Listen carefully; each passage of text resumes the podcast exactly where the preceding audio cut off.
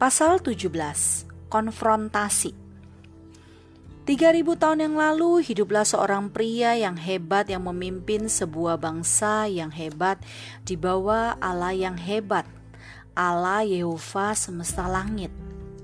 Nama pria tersebut adalah Daud. Daud begitu berkuasa sehingga 62 pasal dalam perjanjian lama dipersembahkan untuk biografinya dan tidak kurang dari 59 referensi di dalam perjanjian baru yang meminta perhatian orang kepada pria ini. Jelas lebih banyak daripada tokoh Alkitab lainnya. Tetapi Daud, anak Allah yang hebat, melakukan serentetan dosa yang mengerikan yang memimpin kepada konsekuensi-konsekuensi yang mengerikan. Ketika ia berusia sekitar 50 tahun, ia melakukan perzinahan.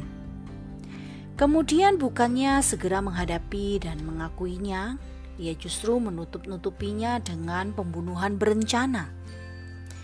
Selama bagian yang lebih baik dalam satu tahun, ia menjalani kehidupan yang penuh kemunafikan dan tipu muslihat. Dunianya menjadi dunia yang penuh kewaspadaan dan kerahasiaan yang menyedihkan. Dengan melihat situasi selama periode tersebut, sejalan dengan berlalunya hari dan bulan, mungkin ada orang yang mengira bahwa Allah yang suci sedang tertidur, atau paling tidak membiarkan hal tersebut berlalu bahwa sesungguhnya dosa sudah dibayar, bahwa tidak ada upah dosa. Tetapi keadaannya bukan begitu. Dengan gerakan yang mengagumkan dari pihak Allah, akhirnya ia membawa seorang pria yang memiliki ketusan hati atau integritas yang besar ke hadapan Daud. Seorang pria yang memberitahukan kebenaran kepadanya saya tidak berpikir bahwa ada konfrontasi lain yang pernah begitu singkat dan efektif. Tiga kata yang singkat telah menyelesaikan tugas itu. Engkaulah orang itu. Daud hancur di dalam kerendahan hati, dan saya pikir ada sebuah pancaran segar berupa kelegaan masuk ke dalam kehidupannya. Kita perlu mengingat bahwa seperti banyak dosa lainnya, dosa Daud dilakukan secara rahasia, setidaknya untuk sementara. Salah satu perkara yang menyertai promosi seseorang ke posisi kekuasaan yang tertinggi merupakan suatu peningkatan dalam kerahasiaan. Kebijaksanaan pintu tertutup yang dijalankan oleh mereka yang berada di posisi yang penting justru membawa pencobaan yang besar untuk terjadinya perbuatan-perbuatan yang dilakukan secara rahasia. Perbuatan tidak bertanggung jawab adalah hal biasa di antara mereka yang berkuasa. Begitu juga dengan Daud. Karena tidak sanggup menangani kerahasiaan pemerintahnya, pemerintahannya dari akibat yang berkepanjangan, akhirnya Daud terjatuh dan segera berusaha untuk menutup-nutupi perbuatannya yang tragis. Hal itu dilakukan secara rahasia. Hal kedua yang akan saya katakan mengenai perbuatan-perbuatan Daud adalah bahwa perbuatan-perbuatan tersebut dilakukan secara sengaja. Perbuatan itu bukanlah kesalahan sementara. Ia tidak tersandung ke dalam dosa, tetapi dengan sadar dan sengaja ia melangkah masuk ke dalam dosa bersama dengan Bathsheba membunuh suaminya, paling tidak secara tidak langsung, dan dengan sengaja hidup dalam kebohongan selama berbulan-bulan berikutnya.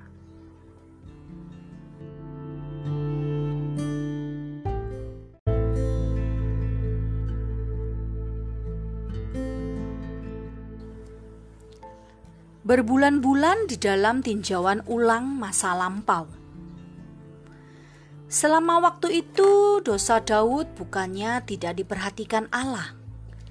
Ayat terakhir dari pasal 11 mengatakan, tetapi hal yang telah dilakukan Daud itu adalah jahat di mata Tuhan.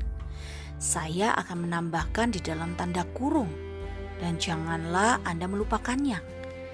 Ada yang jahat 3000 tahun yang lalu juga jahat pada saat ini, walaupun banyak orang melakukannya. Merendahkan pernikahan dengan sebuah perzinahan tetap merupakan dosa yang disengaja, walaupun banyak yang melakukannya. Pada malam itu juga, di tempat-tempat yang tersembunyi, orang-orang yang memakai cincin kawin yang diberikan oleh orang lain akan bersama dengan individu-individu yang bukan pasangan mereka sendiri. Hal itu masih jahat di mata Tuhan, dan janganlah Anda melupakannya. Mungkin tidak ada orang yang memperhatikan, tetapi Allah memperhatikan. Dan ia merancang sebuah strategi untuk membuat Daud berlutut. Allah sangat mahir dalam hal ini. Ia tidak menangani masalah-masalahnya pada setiap akhir bulan atau untuk urusan tersebut setiap tahun. Tetapi ketika ia benar-benar menanganinya, ya, jangan sesat Allah tidak membiarkan dirinya dipermainkan. Karena apa yang ditabur orang itu juga akan dituainya, kata Rasul Paulus. Galatia pasal 6 ayat 7.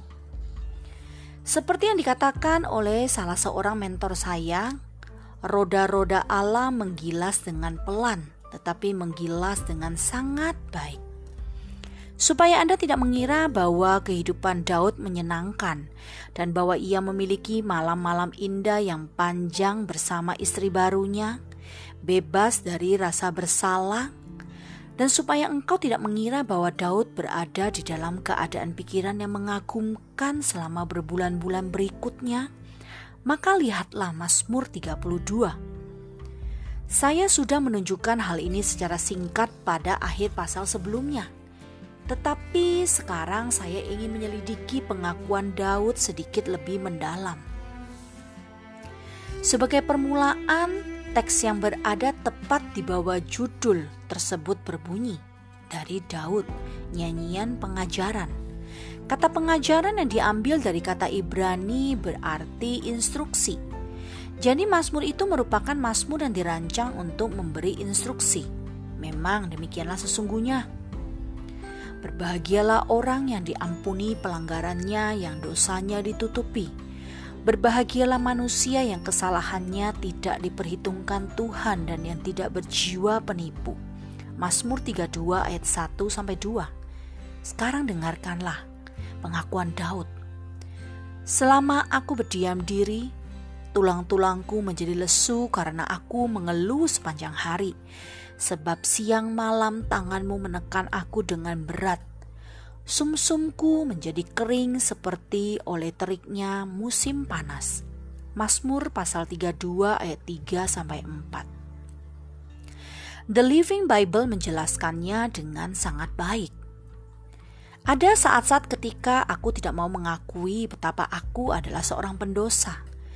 Tetapi ketidakjujuranku membuatku menderita dan memenuhi hari-hariku dengan frustasi. Sepanjang siang dan malam tanganmu menekan aku dengan berat. Kekuatanku menguap seperti air pada hari yang terik sampai akhirnya aku mengakui semua dosa kepadamu dan berhenti untuk mencoba menyembunyikannya. Di dalam bukunya yang sangat bagus, Guilt and Grace, rasa bersalah dan anugerah, Paul Tournier, seorang penulis Swiss yang cemerlang, dokter dan psikiater berbicara mengenai dua jenis rasa bersalah. Rasa bersalah yang sejati dan rasa bersalah yang salah. Rasa bersalah yang salah kata Tournier disebabkan oleh penghakiman dan anjuran dari manusia Rasa bersalah yang sejati berasal dari ketidaktaatan kepada Allah yang dilakukan dengan sengaja dan sadar. Jelaslah Daud mengalami rasa bersalah yang sejati. Seseorang menjelaskan cara manusia menangani rasa bersalah dengan menggunakan gambar lampu lalu lintas pada dashboard mobilnya. Sementara Anda sedang mengemudi, lampu merah menyala dan berbunyi. Perhatikan, ada masalah di bawah kap mobil. Pada saat itu Anda mempunyai pilihan. Anda dapat berhenti, keluar dari mobil, membuka kap, dan melihat apa yang salah. Atau Anda dapat membawa sebuah palu kecil di dalam laci mobil dan ketika lampu merah menyala, Anda dapat memukulnya sampai padam dengan palu itu lalu terus mengemudi. Tidak ada orang yang mengetahui perbedaannya untuk sementara sampai Anda menyebabkan mobil itu terbakar. Lalu Anda menoleh ke belakang dan menyadari betapa bodohnya keputusan Anda untuk melanggar peringatan lampu yang ada pada dashboard. Beberapa orang Kristen menyadari palu hayalan di dalam laci kesadaran mereka. Ketika lampu dari rasa bersalah yang sejati mulai menyala, mereka mengeluarkan palu itu dan memadamkan lampunya.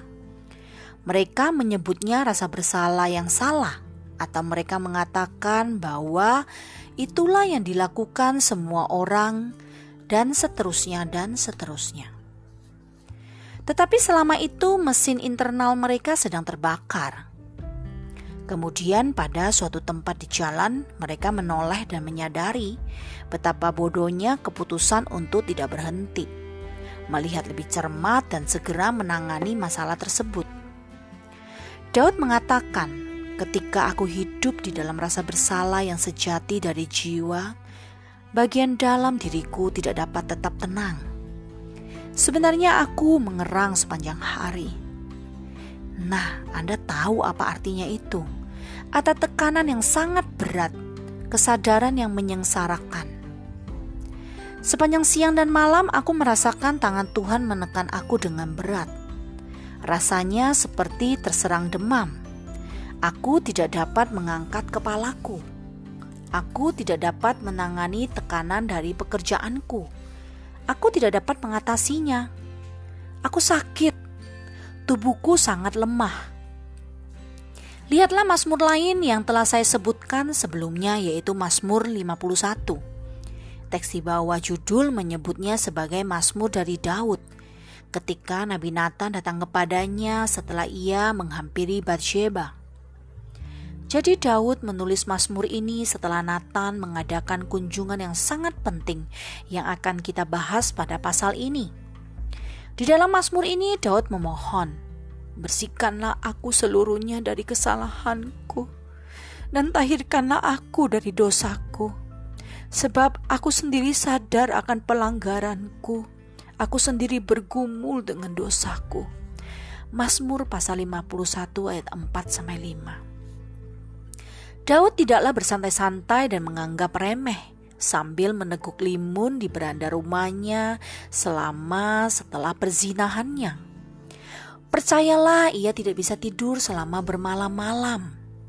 Ia dapat melihat dosanya tertulis di langit-langit kamarnya, sementara ia bergerak dan membalikkan tubuhnya di atas tempat tidur.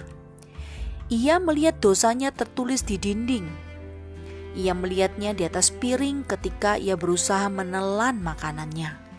Ia melihatnya pada wajah-wajah penasehatnya. Ia adalah seorang suami yang menyedihkan, seorang ayah yang gampang marah, seorang pemimpin yang buruk, dan seorang komposer tanpa lagu. Ia hidup di dalam kebohongan, tetapi tidak dapat melarikan diri dari kebenaran.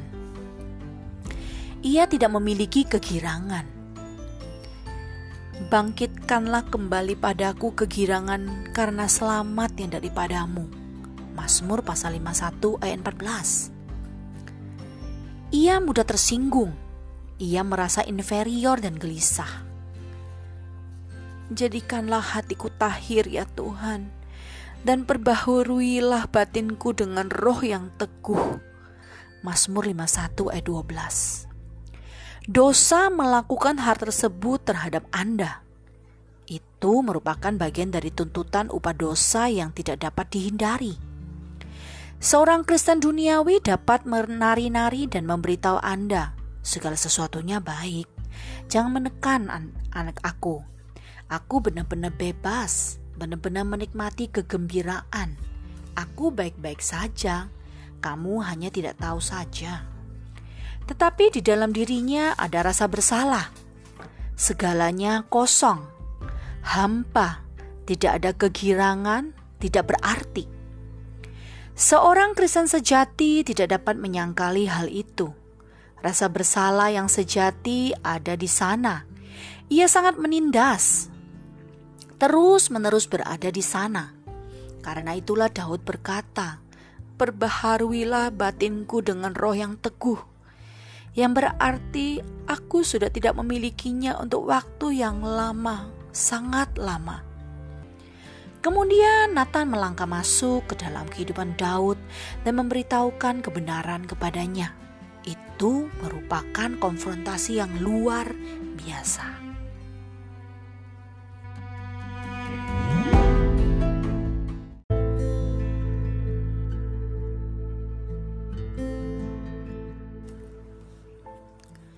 Momen kebenaran yang mendadak Perlu diperhatikan bahwa Nathan tidak datang atas kemauannya sendiri. Ia diutus oleh Allah. Lalu Tuhan mengutus Nathan kepada Daud.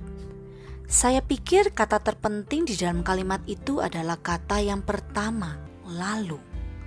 Waktu Allah adalah sangat luar biasa. Kapankah ia diutus? Segera setelah ia melakukan perzinahan? Tidak. Segera setelah Batsheba berkata, "Aku mengandung?" Tidak. Segera setelah ia membunuh Uria? Tidak Segera setelah ia menikahi janda Uria yang sedang mengandung? Tidak. Beberapa sarjana perjanjian lama percaya bahwa paling sedikit ada jarak waktu 12 bulan berlalu sebelum Nathan melakukan kunjungan. Allah menunggu sampai waktu yang tepat. Ia membiarkan roda-roda penggilas dosa melakukan tugas lengkap mereka, dan lalu ia melangkah masuk dengan sejujurnya kepada Anda, ada saat-saat ketika saya benar-benar mempertanyakan waktu Allah. Yaitu saat-saat ketika saya tidak tahu mengapa ia begitu lambat untuk melakukan apa yang menurut saya harus ia lakukan. Tetapi setiap kali saya menoleh untuk meninjau kembali, saya melihat betapa indahnya ia melaksanakan rencananya. Betapa sempurnanya waktu itu tiba. Allah tidak hanya melakukan hal yang tepat, tetapi Ia juga melakukan hal yang tepat pada waktu yang tepat. Ketika mengkonfrontasikan seseorang dengan dosanya, pengaturan waktu sama pentingnya dengan penyampaian ucapan. Hanya dengan mempererat ikat pinggang Anda, menggenggam Alkitab Anda pada waktu yang Anda suka, Mengkonfrontasikan seseorang yang berdosa merupakan tindakan yang tidak bijaksana. Yang terpenting, Anda harus yakin bahwa Anda diutus Allah, seperti Nathan yang diutus Allah. Lalu Tuhan mengutus Nathan kepada Daud. Ia datang kepada Daud. 2 Samuel pasal 12 ayat 1. Allah tidak hanya mengetahui waktu yang tepat, ia juga memilih orang yang tepat yaitu orang yang dihormati Daud, orang yang telah mendapat rasa hormat sejak bertahun-tahun. Nabi Nathan tidak memerlukan kata pengantar karena Daud sudah mengenalnya dengan baik. Sekarang tempatkanlah diri Anda pada posisi nabi yang berani itu. Pikirkanlah tugas berat yang telah Allah berikan kepadanya ia harus berdiri di hadapan pria yang paling berkuasa di dalam negara dan memberitahukan kepada pria tersebut apa yang ia tidak mau beritahukan kepada dirinya sendiri selama satu tahun. Tidak ada orang lain di negeri itu yang akan memberitahu kebenaran kepada Daud. Oh, sudah ada beberapa anal, beberapa alis mata yang terangkat, tetapi ada beberapa bisikan tetapi tidak ada orang yang cukup jujur dan berterus terang untuk mengatakan, "Daud, engkau berdosa." Maka Allah berkata kepada Nathan, "Pergilah kepada Daud, beritahukanlah kepadanya." Nathan dengan serta-merta taat. Sebelum ia menuju istana, pasti Nathan sudah memikirkan masak-masak bagaimana ia akan menunjukkan masalah ini kepada Daud. Karena kata-kata pembukanya ternyata bijaksana dan sekaligus cemerlang karena pendekatan cerita yang ia gunakan. Daud menjadi tertarik dan pada saat yang sama ia dilucuti dari segala pertahanan diri. Ia Daud, dia datang kepada Daud dan berkata kepadanya, ada dua orang dalam suatu kota yang seorang kaya yang lain miskin. Si kaya mempunyai sangat banyak kambing domba dan lembu sapi. Si miskin tidak mempunyai apa-apa selain dari seekor anak domba betina yang kecil yang dibeli dan dipeliharanya. Anak domba itu menjadi besar padanya bersama-sama dengan anak-anaknya. Makan dari suapnya dan minum dari pialanya dan tidur di pangkuannya seperti seorang anak perempuan baginya. 2 Samuel pasal 12 ayat 1 sampai 3. Sampai di sini Daud masih berada di pinggiran kursinya sambil mendengarkan dan tetap mengira bahwa Nathan sedang membicarakan mengenai sesuatu yang terjadi di kota Yerusalem. Pada waktu orang kaya itu mendapat tamu, ia merasa sayang mengambil seekor dari kambing dombanya atau lembunya untuk memasaknya bagi penggembara yang datang kepadanya itu. Jadi ia mengambil anak domba betina kepunyaan si miskin itu dan memasaknya bagi orang yang datang kepadanya itu. 2 Samuel pasal 12 ayat 4 Sebagai akibat dari perkataan-perkataan Nathan yang berhikmat, Daud berada di posisi yang paling lengah ia tergerak oleh belas kasihan atas situasi dalam kisah itu. Tanpa disadari, Daud menghukum dirinya sendiri. Kita dapat merasakan belas kasihan di dalam respon yang disampaikannya. Lalu Daud menjadi sangat marah karena orang itu dan ia berkata kepada Nathan, Demi Tuhan yang hidup, orang yang melakukan itu harus dihukum mati dan anak domba betina itu harus dibayar gantinya karena ia telah melakukan hal itu dan oleh karena ia tidak kenal belas kasihan. 2 Samuel pasal 12 ayat 5 sampai 6. Ketika konfrontasi datang dalam waktu Allah, jalannya telah dipersiapkan. Pada momen yang lengah dan tidak berhati-hati tersebut, Daud ikut terlibat sepenuhnya. Yang harus Nathan perbuat hanyalah menariknya. Dan itulah sesungguhnya yang ia perbuat dalam tiga kata engkaulah orang itu.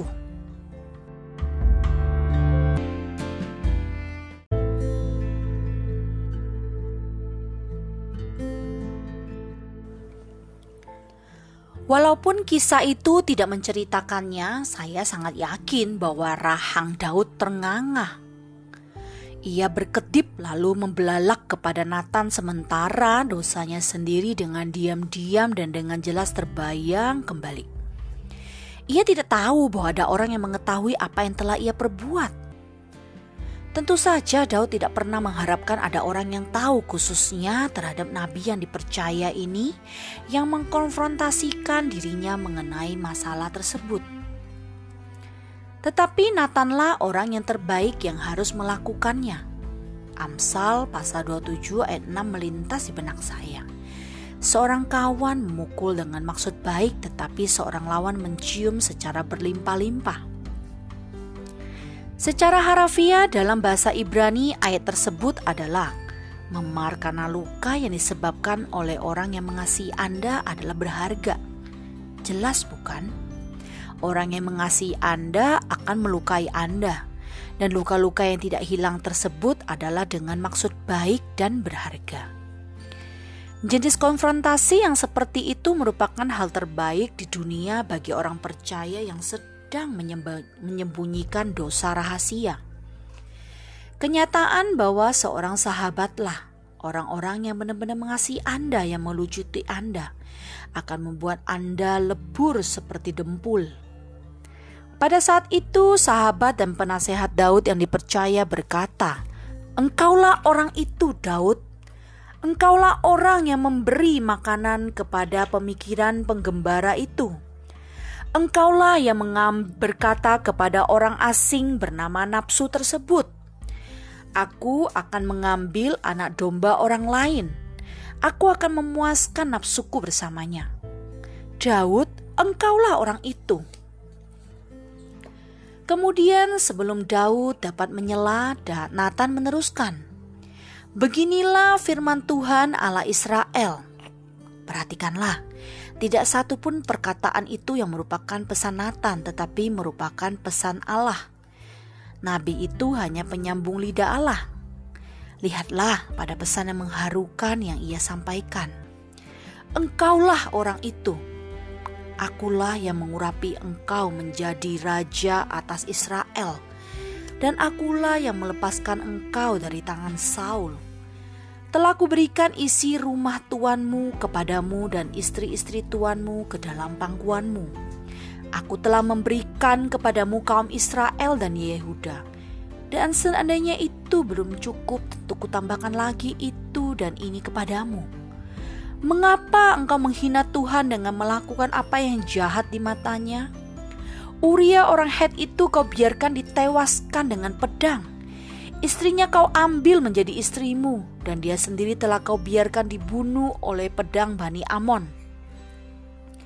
Oleh sebab itu pedang tidak akan menyingkir dari keturunanmu sampai selamanya karena engkau telah menghina aku dan mengambil istri Uria orang Het itu untuk menjadi istrimu.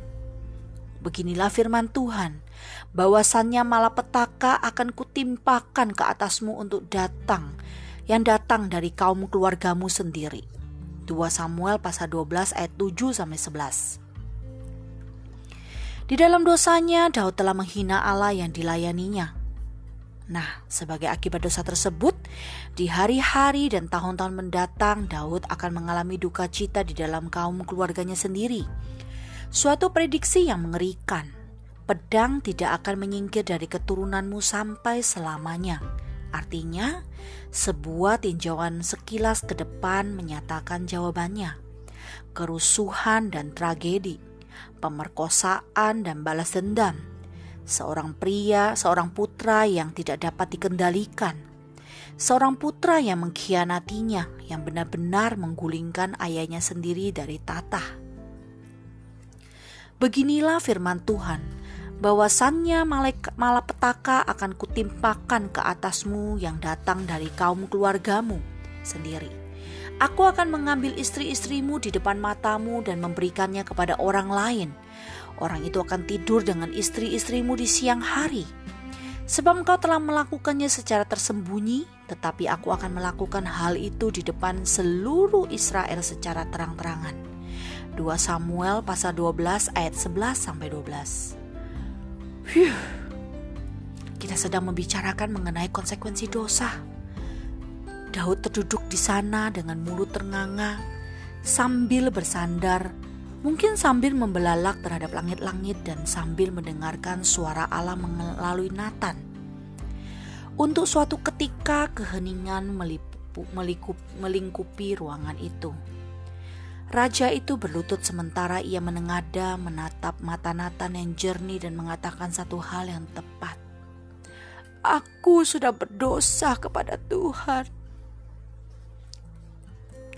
Penulis biografi Inggris yang terkenal Alexander Witt menuliskan kata-kata ini untuk menghormati keberanian, kesetiaan, dan keahlian Nathan. Berkhotbah merupakan pekerjaan yang besar seandainya kita bisa mendapatkan pengkhotbah-pengkhotbah seperti Nathan. Seandainya saja para pengkhotbah kita memiliki keberanian, kealihan, kecerdikan seperti ular, dan keteladanan penginjil seperti milik Nathan. Kita sebagai para pengkhotbah harus lebih jauh lagi mempelajari metode Nathan, khususnya ketika kita diutus untuk memimpin kebaktian kebangunan rohani. Terlalu banyak keahlian yang tidak dikeluarkan untuk mendasari pendekatan kita terhadap kesadaran jemaat kita. Perkataan-perkataan Nathan hanya berada sejauh satu inci dari kesadaran Daud. Sebelum Daud mengetahui bahwa Nathan memiliki sebuah pedang. Dengan satu tusukan yang tiba-tiba, maka raja berlutut di kaki Nathan. Sungguh suatu teguran terhadap kecerobohan, ketidakmahiran, dan kebodohan dari pekerjaan kita Ketika kita kembali kepada Nathan dan Daud, kita akan selalu melupakan dan memaafkan segala sesuatu yang merupakan kejahatan di dalam diri Daud. Satu-satunya yang dapat membuat hari di dalam kehidupan Daud itu menjadi sempurna adalah bahwa Nathan memang harus datang kepada Daud. Nah, Yang membuat hari ini menjadi hari yang paling sempurna di dalam seluruh kehidupan Anda adalah jika Anda mau meringankan pekerjaan Allah dan nabinya dengan berbicara dan Anda menjadi Tuhan sekaligus nabinya bagi diri Anda sendiri. Bacara perumpamaan Nathan kepada diri Anda sendiri sampai Anda berkata, Akulah orang itu. Jika Allah telah memanggil Anda untuk menjadi utusannya, maka lakukanlah dengan mahir dan lakukanlah dengan rendah hati. Lakukanlah dengan benar dan jangan lakukan sama sekali. Jika Allah memanggil Anda untuk menjadi orang yang mengkonfrontasikan, maka konfrontasikanlah. Manusia masih merindukan dan lapar akan pesan Allah. Ketika Anda menjumpai seorang individu yang dengan sengaja melangkah ke dalam jalan yang salah, nyatakanlah hal itu kepadanya. Katakanlah hal itu apa adanya. Tentu saja pada waktu yang tepat dan dengan cara yang tepat, tetapi lakukanlah. Jangan menghindar, jangan mencoba untuk mendefinisikannya ulang. Jangan mencari-cari alasan untuk menghilangkannya. Katakan itu dosa. Dan dengan melakukan hal itu, ingatlah bahwa Anda juga berdosa. Jadi tetaplah rendah hati dan penuh dengan belas kasihan. Tetapi katakanlah kebenaran di dalam kasih. Ya, katakan kebenaran. Sebuah kelegaan yang luar biasa akan datang kepada pendosa itu ketika seseorang dengan jujur berkata, "Kau telah bersalah, hadapilah. Lakukanlah sesuatu terhadap hal itu." Nathan berkata, "Kaulah orang itu, Daud. Inilah akibatnya." Dan Daud yang menyadari bahwa ia bersalah sepenuhnya mengakui tanpa ragu-ragu, "Aku telah berdosa. Aku sudah berdosa kepada Tuhan." Dengan pengakuan tersebut, pemulihan pun dimulai. Dengan segera Nathan memberi respons. Tuhan telah menjauhkan dosamu itu, engkau tidak akan mati. 2 Samuel pasal 12 ayat 13. Sungguh suatu janji anugerah yang indah. Engkau tidak akan mati. Dan kemudian ia menyatakan hal pertama dari beberapa konsekuensi. Walaupun demikian, karena engkau dengan perbuatan ini telah sangat menista Tuhan, pastilah anak yang lahir bagimu itu akan mati. 2 Samuel pasal 12 ayat 14. Sampai poin tersebut misi Nathan sudah selesai, yakni akhir dari konfrontasi. Nathan berdiri, berbalik, berjalan ke pintu, membukanya, melewatinya, menutupnya, dan Daud ditinggalkan sendirian. Mungkin malam itu merupakan malam yang sama ketika ia menulis Mazmur 51. Sungguh kelegaan besar yang disediakan oleh pengampunan. Saya percaya bahwa sebuah pancaran kelegaan meliputi Daud ketika ia berpikir, akhirnya seseorang mengetahui yang sebenarnya dan rahasia sudah terbongkar. Akhirnya aku memiliki jaminan pengampunan Allah. Akhirnya semuanya sudah terbongkar di hadapannya sehingga nanah itu dapat mengalir dan infeksinya benar-benar sirna. Saya ingat ketika sebagai seorang anak kecil saya menderita luka karena lemparan batu. Paling tidak begitulah kami mengatakan pada masa muda saya. Tumit saya terluka sampai ke dalam, tepat mengenai tulang dan infeksinya membuat tumit saya membengkak dan membengkak sampai akhirnya saya tidak dapat memasukkan sepatu pada kaki saya. Sebenarnya saya tidak bisa memberikan tekanan apa pun ke atas tumit. Pembekakan bertambah sementara infeksinya timbul makin dan makin menuju ke permukaan. Sampai rasanya begitu sakit sehingga saya bahkan tidak mampu menahan kaos kaki pada kaki saya. Karena takut akan adanya keracunan darah, akhirnya orang tua saya membawa saya ke dokter dan mengatakan, "Kita harus membedanya." Walaupun saya mengetahui hal itu akan terjadi dan menakutkan pikiran, tetapi ketika dokter membedanya secara harafiah, saya merasakan sebuah pancaran kelegaan ketika infeksi itu mengalir keluar. Bahkan tiba-tiba ada kelepasan dari rasa sakit. Walaupun pembedahan itu menyakitkan, Kelegaan telah mengurangi rasa sakitnya. Tidak lama setelah itu, infeksinya hilang dan kesembuhan pun datang. Secara spiritual pasti itulah yang Daud rasakan ketika pintu dibanting dan ia ditinggalkan sendirian dengan pikiran-pikirannya.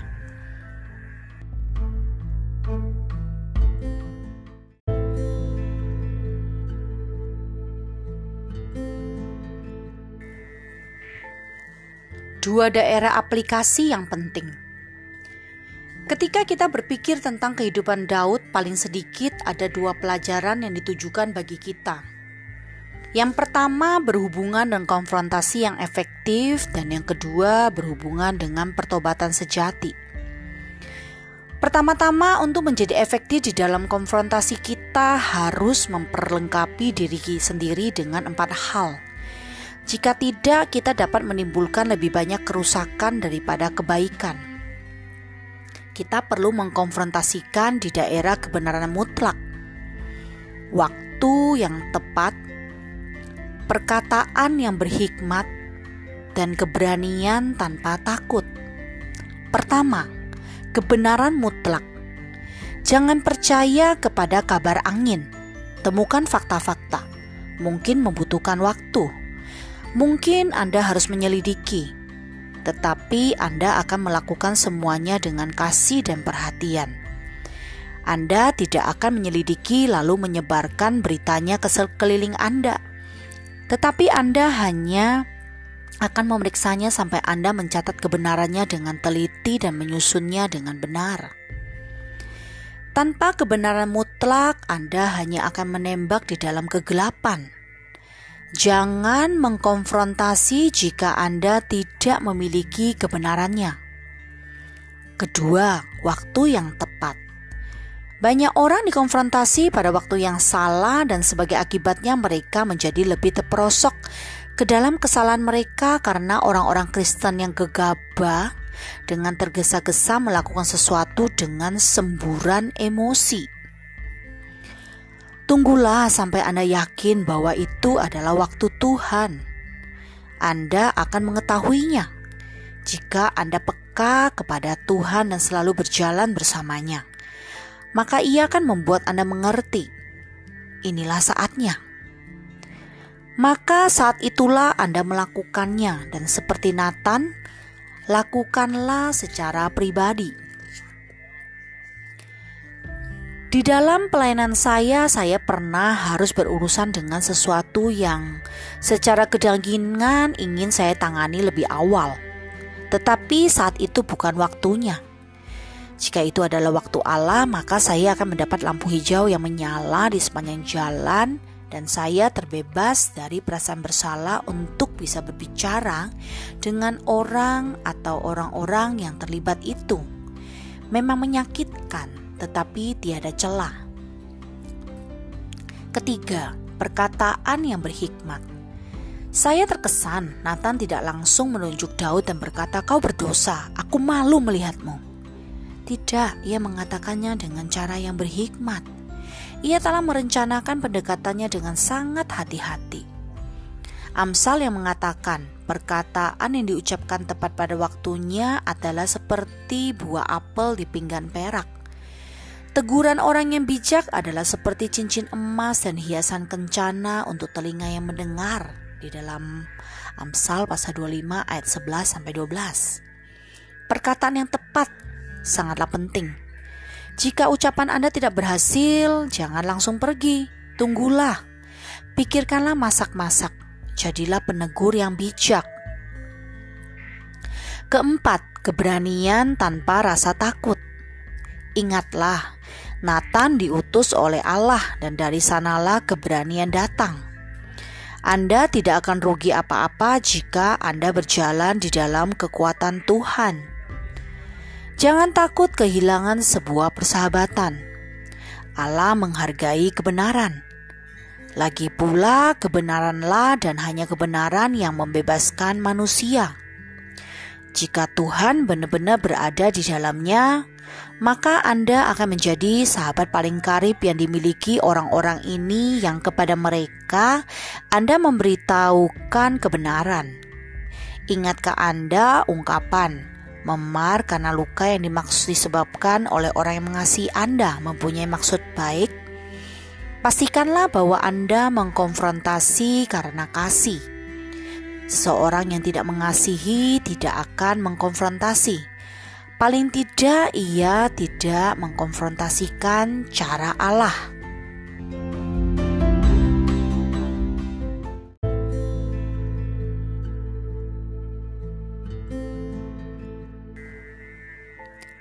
Pelajaran berikutnya yang kita dapatkan ialah dari respon Daud yaitu mengenai pertobatan sejati itu sendiri. Bagaimanakah kita mengetahui bahwa pertobatan adalah sejati? Saya melihat empat hal di dalam Mazmur 51 yang membantu saya mengenal pertobatan sejati. Pertama-tama, ketika ada pertobatan sejati akan ada pengakuan terbuka dan tidak dipersiapkan. Daud berkata, "Aku sudah berdosa Aku tidak akan menyembunyikan dosaku terhadap engkau. Terhadap engkau sajalah aku telah berdosa dan melakukan apa yang kau anggap jahat.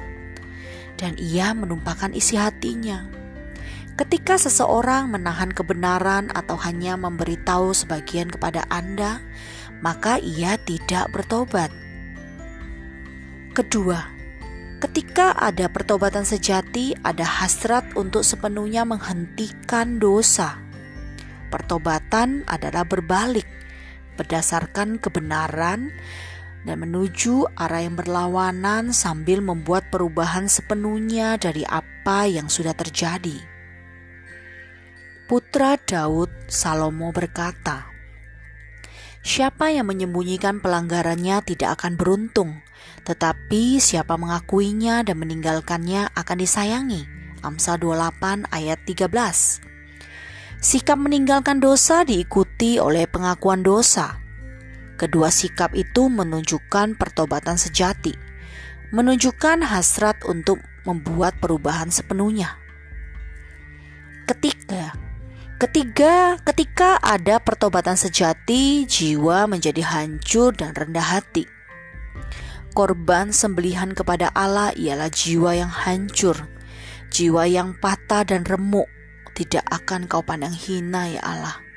Mazmur 51 ayat 19. Berduka citalah terhadap apa yang sudah Anda perbuat dan bersuka citalah atas kelegahan pertobatan dan kebebasan tidak membuat Anda menjadi alih dalam menahan nafsu, hawa nafsu. Mungkin Anda menangis, lalu mungkin Anda tertawa dengan keras. Mungkin Anda mengerang atau sujud ke tanah atau berteriak-teriak karena sukacita atau kebebasan. Tetapi Anda tidak akan bersikap bertahan atau marah atau bangga atau pahit. Hati yang remuk tidak mempunyai tuntutan dan tidak menyimpan harapan Orang-orang yang hancur dan rendah hati bersyukur hanya karena masih dapat hidup. Ketika ada pertobatan mutlak yang menghasilkan hati yang hancur dan rendah, maka emosi pun mengalir. Keempat, pertobatan sejati merupakan suatu klaim pengobat, pengampunan dan penerimaan Allah. Berbalik menuju arah yang berlawanan merupakan klaim kita bahwa Ia telah mengampuni dan menerima kita. Itulah hal pertama yang Nathan perbuat terhadap sahabatnya Daud. Engkau tidak akan mati, tetapi akan ada konsekuensi-konsekuensi. Semua dosa dapat diampuni jika dosa itu diakui dan ditinggalkan, tetapi beberapa dosa membawa akibat yang luar biasa. Kadang-kadang konsekuensi-konsekuensi yang mengerikan dan tidak ada habis-habisnya. Daud mati dengan tetap membenci pada hari ketika ia tidur dengan Bathsheba dikarenakan konflik-konflik yang terus-menerus dan konsekuensi-konsekuensi yang ditimbulkan. Tetapi di dalam lubuk hatinya ia mengetahui bahwa Allah Israel telah mengampuninya dan telah berhubungan dengannya di dalam anugerah. Lagi pula ia diizinkan untuk tetap hidup bukan? Tentu saja, tidak semua konfrontasi berakhir seperti konfrontasi Nathan dengan Daud, karena tragisnya kadang-kadang tidak ada pertobatan. Pekerjaan pembersihan dan konfrontasi merupakan pekerjaan Roh Kudus yang paling keras, bahkan kehidupan kita bersih maupun kotor. Baik pelanggaran kita sedikit terhadap Bapa surgawi kita sebagai anaknya maupun kita hidup di dalam kebohongan. Ketika kita bertobat, Allah menjanjikan pemulihan dan pengampunan kepada kita melalui darah Yesus. Ia tidak menjanjikan kebebasan dari semua atau semua konsekuensinya, tetapi ia menjanjikan kebebasan yang hanya dapat diberikan oleh Roh Allah. Jika aku mengaku dosa kita, maka ia adalah setia dan adil, sehingga ia akan mengampuni segala dosa kita dan menyucikan kita dari segala kejahatan. 1 Yohanes 1 ayat 9 Seorang ayah datang kepada saya beberapa waktu yang lalu dan mengutarakan isi hatinya mengenai kisah tragis putranya sendiri. Sementara ia menjelaskan sikap pemberontak yang satu kepada yang lain yang dilakukan putranya, Akhirnya saya harus berhadapan dengan pria itu dan berkata, "Dengar, Anda sedang menurunkan standar Anda karena menjauhi rasa sakit dari konfrontasi. Tetapi anak ini sedang memerintah rumah Anda. Ia sudah tidak terkendali. Lebih jauh lagi, ia sudah tidak menghormati ibu dan ayahnya, walaupun ia tidak akan mengucapkannya dari mulutnya sendiri. Konfrontasikan dia, beritahukanlah kebenaran kepadanya." Bertahanlah. Saya menggunakan kisah dari 2 Samuel pasal 12 ini sebagai contoh. Pria itu menerima perkataan-perkataan saya. Ia memikirkan masak-masak ucapannya. Ia menunggu saat yang tepat, dan saya senang untuk mengatakannya. Dengan tegas, ia sudah mengkonfrontasikan putranya yang berumur belasan tahun yang memberi respon dengan baik maka tugas yang berat tetapi layak diusahakan. Kasih yang dalam akan membawa kesuksesan. Perhatian saya ditujukan kepada para orang tua yang mengalami hal yang sama. Jika Anda merupakan salah satunya, Anda akan tercatat di dalam sejarah bahwa para pahlawan yang diam dan tenang, dan Allah sudah mempersiapkan hadiah istimewa bagi Anda. Kita sedang hidup pada masa kompromi yang besar, khususnya di dalam kehidupan keluarga. Karena itu kita perlu mempelajari pelajaran konfrontasi dari Nathan. Walaupun zaman itu sudah berlalu, walaupun corak dan gaya kehidupan selalu berubah tetapi standar Allah tidak pernah berubah. Ia tetap suci, tetap kudus. Ia tetap menghargai kebenaran, bahkan ketika kebenaran sulit untuk dinyatakan. Tetapi itulah yang ia minta dari kita, anak-anaknya. Mereka benar-benar peduli, cukup peduli untuk mengkonfrontasikan.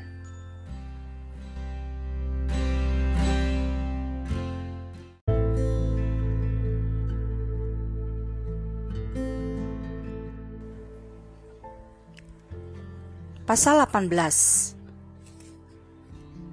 Kesulitan di rumah sebuah keluarga yang berada dalam kesulitan sudah merupakan sebuah peristiwa yang umum, tetapi tidak pernah menjadi suatu gambar yang indah. Ada dua jenis kesulitan yang dapat dialami sebuah keluarga: kesulitan yang datang dari luar dan kesulitan yang datang dari dalam.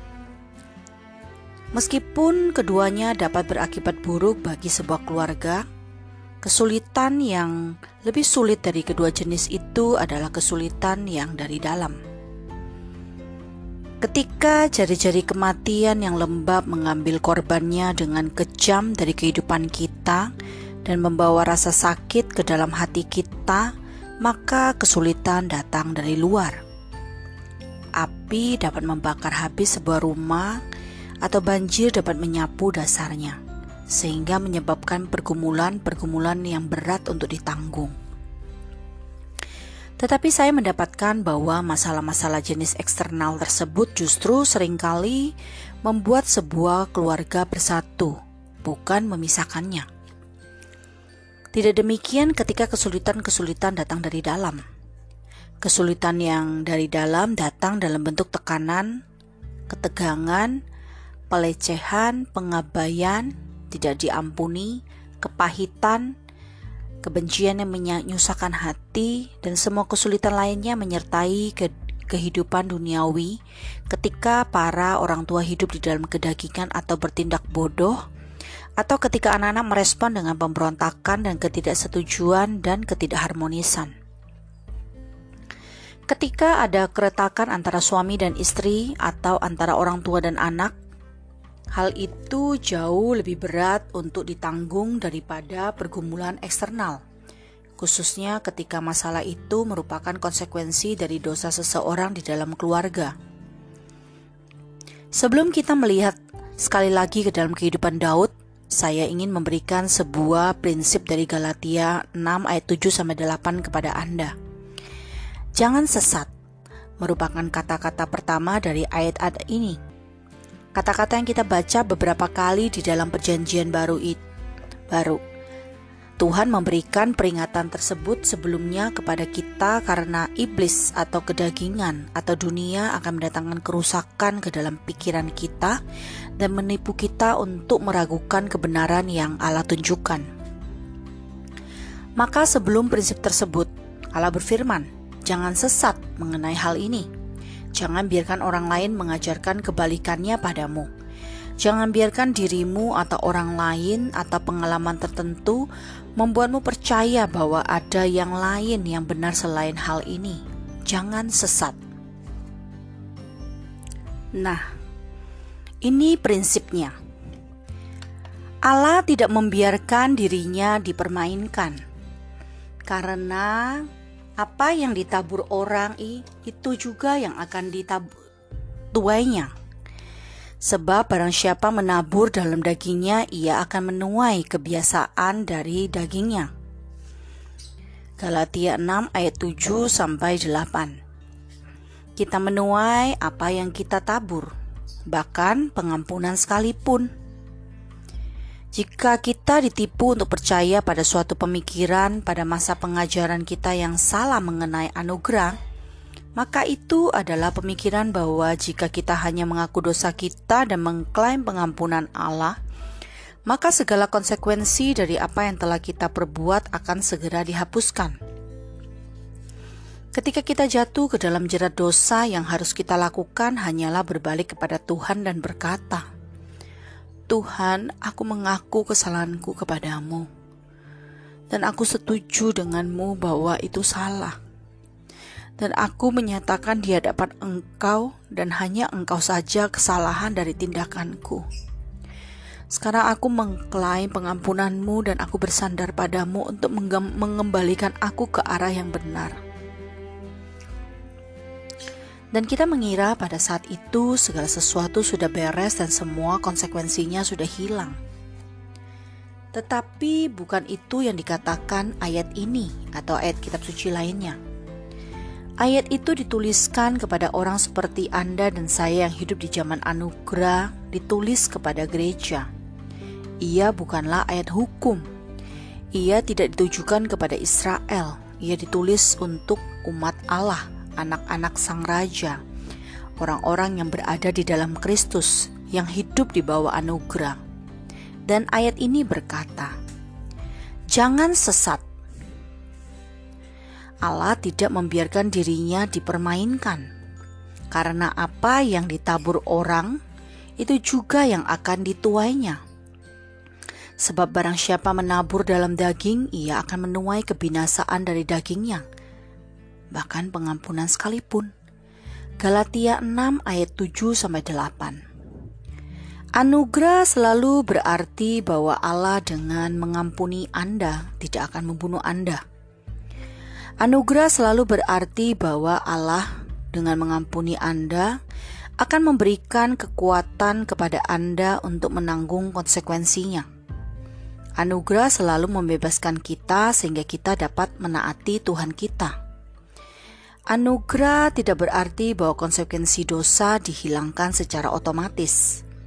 Jika saya berdosa dan di dalam proses berdosa itu lengan saya patah, maka ketika saya mendapatkan pengampunan dari dosa, maka saya harus menanggung tulang yang patah. Bukankah itu menunjukkan bahwa kita dapat menerima prinsip tersebut secara fisik? Tidak seorang pun yang membaca perkataan ini akan menyangkalnya. Sebuah lengan yang patah tetap sebuah lengan yang patah. baik saya sudah diampuni maupun saya masih hidup di bawah rasa bersalah dari dosa saya. Dan hal yang sama juga berlaku di dalam kehidupan emosi. Ketika orang tua melanggar firman Allah yang tertulis dengan sengaja dan tidak bertanggung jawab, bukan hanya orang tua yang menderita, tetapi keluarganya juga menderita.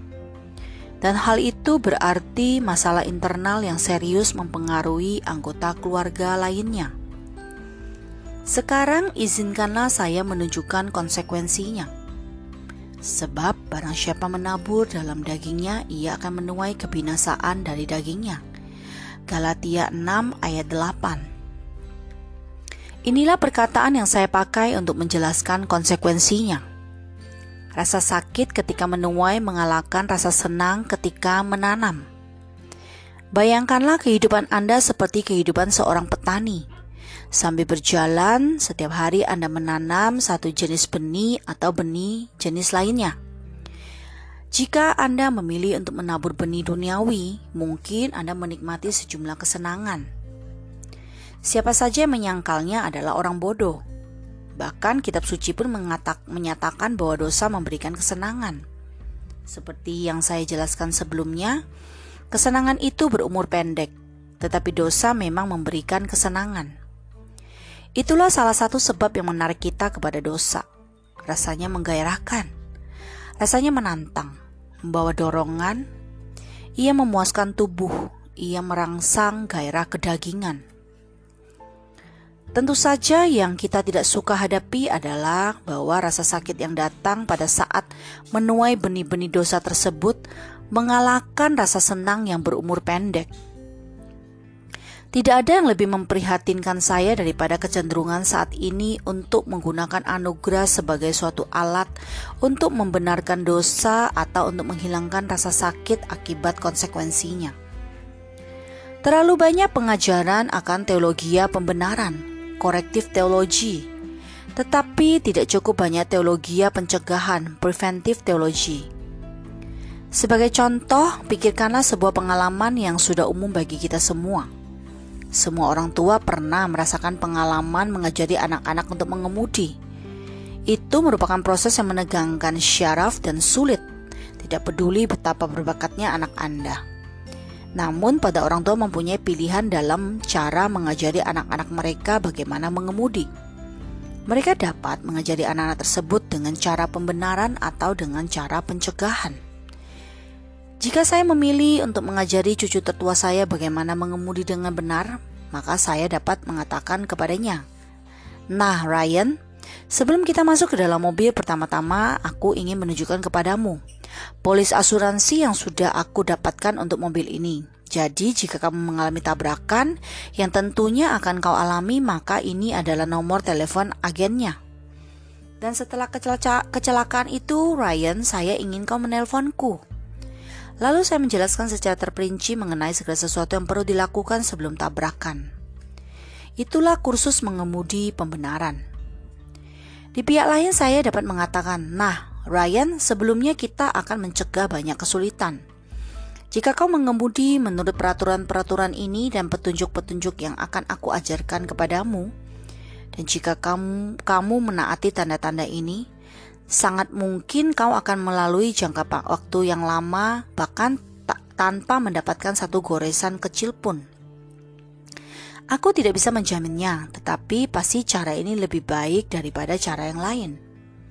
Itulah kursus mengemudi pencegahan. Menurut saya, Anda akan setuju bahwa metode pencegahan jauh melebihi metode pembenaran, bukan? Sebagian besar dari kita diajarkan 1 Yohanes 1 ayat 9 jauh sebelum kita mempelajari Roma 6. Mengapa? Karena kita telah dilatih untuk berdosa. Kedengarannya sesat, bukan?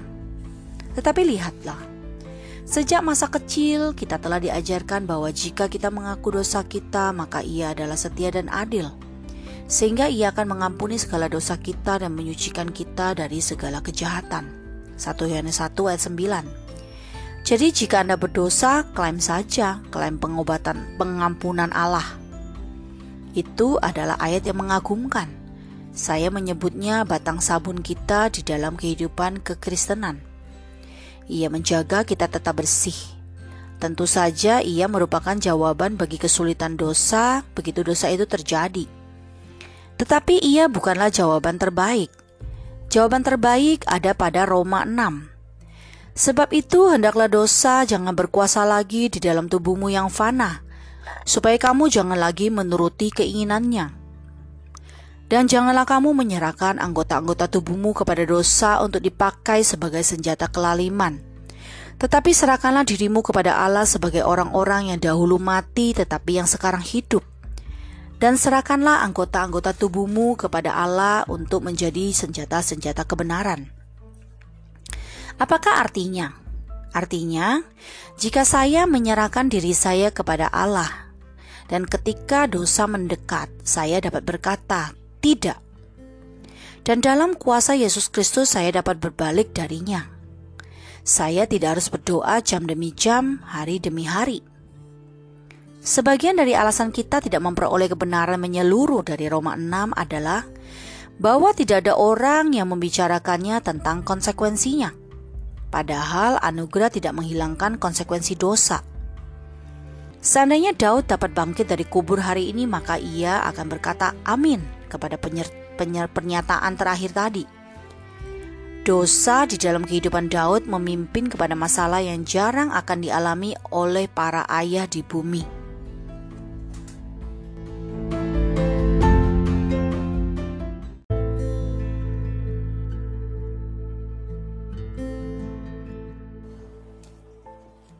Masalah-masalah di dalam istana Daud.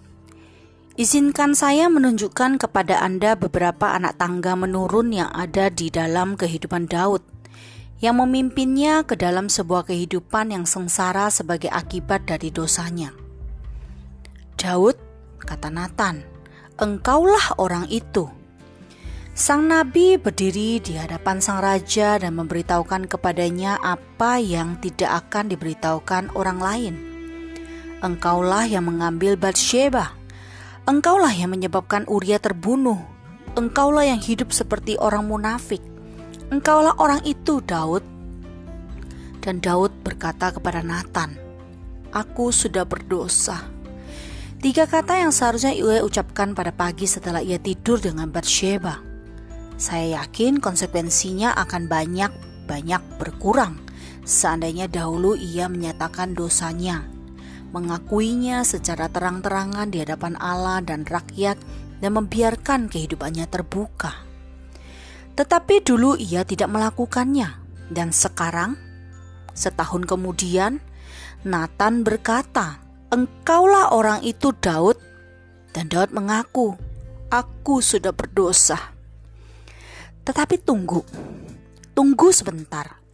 Lihatlah prediksi yang Nathan sampaikan di samping pengakuan Daud. Di bawah pimpinan dan inspirasi Allah, Nabi itu berkata, "Pedang tidak akan menyingkir dari keturunanmu sampai selamanya." Tidak akan, tidak akan. Aku pikir ia telah diampuni, kata Anda. Hei, ia memang diampuni. Nathan yang mengatakannya. Tuhan telah menjauhkan dosamu itu. Engkau tidak akan mati. Itulah pengampunan. Tetapi konsekuensinya masih ada di sana. Pedang tidak akan menyingkir dari keturunannya sampai selamanya. Apakah saya mengatakan bahwa setiap orang yang berdosa akan mendapat konsekuensi yang sama? Tidak. Allah di dalam caranya yang berdaulat menyesuaikan konsekuensinya dengan orangnya orangnya. Itu merupakan pilihannya. Itu merupakan pendiriannya. Itu merupakan rencananya. Mengapa ia memilih beberapa orang untuk melalui jalan yang ini dan beberapa orang lainnya untuk jalan yang itu? Saya tidak tahu. Dan bukan itu perhatian kita di sini. Yang saya tahu hanyalah di dalam kasus Daud, ia memimpinnya menuruni jalan sengsara sehingga ia tidak akan lupa. Di dalam tinjauan ulang kita juga tidak akan lupa konsekuensi dari serangkaian tindakan tersebut. Pedang tidak akan menyingkir dari keturunanmu sampai selamanya. Bahwasanya malapetaka akan kutimpakan ke atasmu yang datang dari kaum keluargamu sendiri. 2 Samuel pasal 12 ayat 10 dan 11. Dua kali keluarga Daud disebutkan. The Good News Bible menerjemahkan bagian tersebut dengan kabar buruk ini.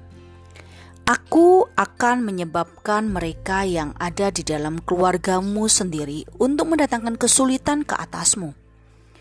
The Living Bible berbicara mengenai Daud harus hidup di bawah ancaman yang terus-menerus dari keluarganya, karena Allah berfirman, "Aku akan menyebabkan kaum keluargamu memberontak terhadap engkau." Daud telah diampuni, tetapi masalahnya belum selesai. Kesulitan akan mendatangi kaum keluarga Daud. Masih ingat perkataan saya pada paragraf pembukaan dari pasal ini?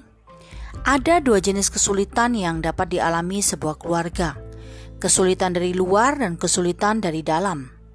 Bagi Daud, kesulitan datang dari dalam, dan saya tidak berpikir bahwa ada perkataan yang dapat menunjukkan rasa sakit yang mengerikan yang dialami pria ini ketika ia melihat kesengsaraan yang dibukakan sebagai akibat dari dosanya sendiri. Tidak diragukan lagi bahwa ia akan menggemakan perkataan Elifas dari Ayub pasal 4 ayat 8. Yang telah kulihat ialah bahwa orang yang membajak kejahatan dan menabur kesusahan ia menuainya juga. Bertahun-tahun yang lalu sahabat saya John John W. Lawrence menulis sebuah buku kecil tetapi sangat membuka wawasan yang berjudul Down to Earth the law of harvest sampai ke dalam bumi, hukum menuai, di mana ia mencatat kebenaran mengenai menuai apa yang kita tabur. Ia berkata mengenai Daud. Ketika Daud menabur di dalam kedagingan, maka ia menuai apa yang dihasilkan daging. Lebih lagi ia menuai konsekuensi dari tindakannya walaupun ia telah mengaku dosanya dan telah diampuni.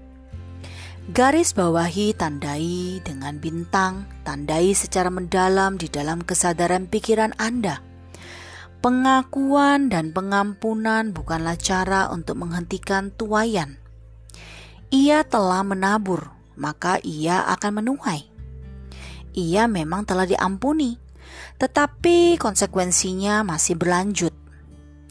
Inilah sesungguhnya penekanan yang Paulus berikan kepada orang Galatia bahkan di masa anugerah ini. Janganlah kita sesat. Allah tidak membiarkan dirinya dipermainkan.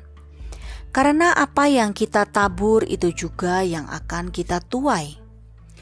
Tidak ada pengecualian.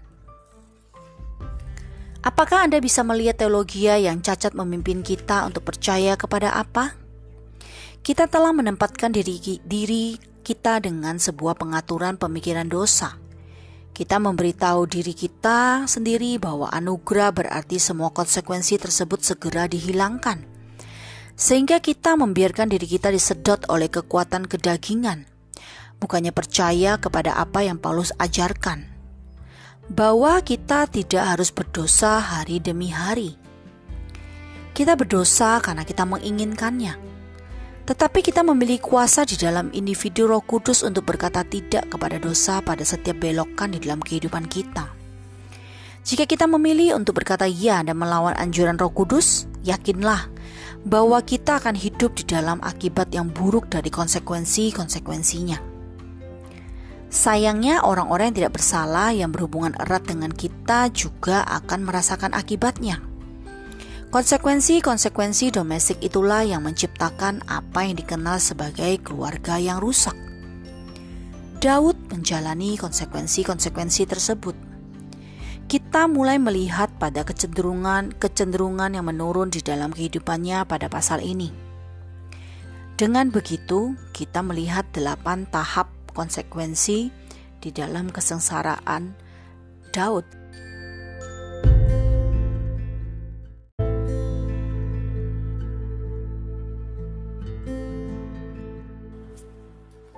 Tahap pertama adalah ketidaksetiaan dalam perkawinan. Beginilah firman Tuhan, bahwasannya malapetaka akan kutimpakan ke atasmu yang datang dari kaum keluargamu sendiri. Aku akan mengambil istri-istrimu di depan matamu dan memberikannya kepada orang lain. Orang itu akan tidur dengan istri-istrimu di siang hari 2 Samuel pasal 12 ayat 11. Kata Ibrani untuk orang lain merupakan istilah yang intim dan kemungkinan besar menunjuk kepada salah seorang anak-anak Daud. Sebenarnya tepat seperti itulah yang terjadi bertahun-tahun setelah affair persinahan Daud. Putranya sendiri Absalom tinggal bersama dengan beberapa istri Daud. Kisah yang suram ini ditemukan di dalam 2 Samuel pasal 16 dan saya ingin Anda memperhatikan di mana tempat kejadiannya. Lalu jawab Ahitofel kepada Absalom, Hampirilah kudik-kudik ayammu yang ditinggalkannya untuk menunggu istana. Apabila seluruh Israel mendengar bahwa engkau telah membuat dirimu dibenci oleh ayahmu, maka segala orang yang menyertai engkau akan dikuatkan hatinya. Maka dibentangkanlah kemah bagi Absalom di atas sotoh.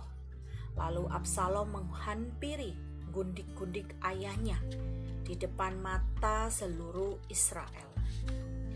2 Samuel pasal 16 ayat 21 sampai 22. Di manakah pertama kali Daud terjatuh ke dalam dosa? di atas soto istana. Pertunjukan Absalom yang menjijikan seolah-olah mengatakan, "Aku akan mengingatkannya mengenai dosanya." Sungguh suatu perbuatan yang memalukan. Sungguh suatu konsekuensi yang berat yang harus ditanggung. Konsekuensi kedua adalah kehilangan seorang anak. Kemudian pergilah Nathan ke rumahnya dan Tuhan menulahi anak yang dilahirkan bekas istri Uria bagi Daud sehingga sakit. Pada hari yang ketujuh matilah anak itu. 2 Samuel pasal 12 ayat 15 18. Sudah cukup buruk untuk mengalami ketidaksetiaan dalam perkawinan. Tetapi puncak dari hal itu ialah kehilangan seorang bayi yang baru lahir yang menambah duka cita kepada pria yang sudah diampuni ini, begitu juga Batsheba, ibu dari anak itu. Konsekuensi ketiga adalah salah satu putra Daud memperkosa adik tirinya. Daud menikahi banyak istri dan mempunyai banyak gundik.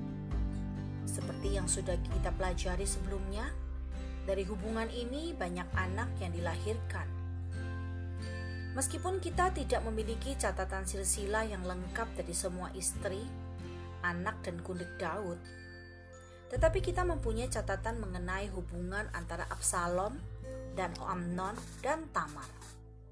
Mereka bertiga adalah anak Daud, tetapi Absalom dan Tamar berasal dari satu ibu, sedangkan Amnon berasal dari ibu lainnya.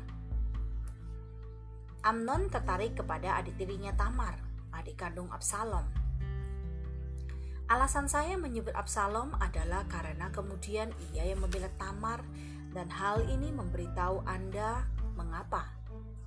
Sesudah itu terjadilah yang berikut. Absalom bin Daud mempunyai seorang anak perempuan yang cantik, adik perempuan yang cantik namanya Tamar. Dan Amnon bin Daud jatuh cinta kepadanya. 2 Samuel pasal 13 ayat 1. Itu merupakan jenis cinta yang memalukan dan menjijikkan Penjelasan yang lebih baik adalah itu merupakan nafsu incest, hubungan seks antara sanak saudara atau anggota keluarganya sendiri. Hati Amnon sangat tergoda sehingga ia jatuh sakit karena Tamar saudaranya itu. Sebab anak perempuan itu masih perawan dan menurut anggapan Amnon mustahil untuk melakukan sesuatu terhadap dia. 2 Samuel pasal 13 ayat 2 dengan bantuan seorang teman, Amnon merancang sebuah skenario yang membawa Tamar ke hadapannya, di mana ia berpura-pura sakit. Marilah tidur dengan aku. Tetapi gadis itu berkata kepadanya, Tidak kakakku, jangan perkosa aku. Sebab orang tidak berlaku seperti itu di Israel. Tetapi Amnon tidak mau mendengarkan perkataannya. Dan sebab ia lebih kuat daripadanya, diperkosanya lah dia, lalu tidur dengan dia. Kemudian timbullah kebencian yang sangat besar pada Amnon terhadap gadis itu. 2 Samuel pasal 13 ayat 11 sampai 12 sampai 14 sampai 15. Dengan perasaan malu dan terhina, Tamar datang kepada anggota keluarga yang mengasihinya, kakaknya Absalom. Lalu Tamar tinggal di rumah Absalom, kakaknya itu seorang diri. Dan Absalom tidak berkata-kata dengan Amnon, baik tentang yang jahat maupun tentang yang baik. Tetapi Absalom membenci Amnon, sebab ia telah memperkosa Tamar adiknya. 2 Samuel pasal 13 ayat 20 dan 22. Tahap keempat, seorang saudara membenci saudara lainnya. Nafsu telah memimpin kepada pemerkosaan. Pemerkosaan telah memimpin kepada kebencian. Dan sekarang kebencian memimpin kepada tahap berikutnya yaitu pembunuhan. Absalom dan Amnon tidak berbicara selama dua tahun Selama dua tahun penuh kepahitan dan kebencian ini menghanguskan Absalom. Nah, saya ingin menanyakan sesuatu. Di manakah Daud selama itu? Satu-satunya ayat yang saya temukan yang menunjuk kepada Daud yang berhubungan dengan putrinya diperkosa adalah ayat ini. Ketika segala perkara itu didengar Raja Daud, sangat marahlah ia. 2 Samuel pasal 13 ayat 21. Hanya itu, kepasifan yang sudah klasik, kesibukan orang tua yang luar biasa. Pikirannya berada di tempat lain. Hal itu sudah berlangsung lama. Anak-anak itu tumbuh sendiri tanpa pengawasan dan disiplin yang benar dari orang tua. Seperti yang sudah kita diskusikan sebelumnya, merupakan konsekuensi lainnya dari dosa di dalam kehidupan Daud. Istana seperti apa yang dia persiapkan secara fisik bagi sejumlah istri dan anaknya? Istana yang menakjubkan. Mungkin istana itu memiliki semua benda yang mereka inginkan. Tetapi uang tidak dapat membeli perkara-perkara terbaik di dalam kehidupan. Perkara-perkara yang tidak dapat memecahkan masalah di dalam hubungan keluarga itu. Amnon memperkosa dan kemudian membenci adiknya Lalu Absalom membenci kakaknya dan ia melakukannya selama dua tahun. Bahkan mereka tidak saling menyapa. Pasti istana itu merupakan mimpi buruk bagi keluarga itu. Tidak seorang pun yang memberikan penjelasan yang lebih realistik mengenai hal itu daripada Alexander White di dalam bagian yang ia tulis mengenai Absalom. Bacalah dan menangislah. Poligami hanyalah kata Yunani untuk lumpur, tetapi Daud menginjak-injak hukum Allah yang pertama dan yang terbaik di dalam istananya di Yerusalem. Dan sebagai akibatnya ia menghabiskan semua hari-harinya di neraka bumi. Istana Daud merupakan kekacauan yang sempurna dari kecurigaan, tipu daya dan kecemburuan dan kebencian. Semuanya menular menjadi incest dan menjadi pembunuhan. Dan di dalam keluarga seperti itulah jika jamban seperti itu dapat disebut keluarga. Absalom putra ketiga Daud dari istri ketiganya dilahirkan dan dibesarkan. Sedikit lingkaran kecemburuan dan rencana parasit yang jahat. Semua kebencian dan saling membenci terkumpul di sekitar setiap istri Daud dan di dalam salah satu lingkaran kecil yang terburuk dan jahat itulah Absalom bertumbuh dan mendapat pendidikan. Dan sebagai hasilnya, setelah dua tahun yang lama, akhirnya Absalom melaksanakan rencana liciknya.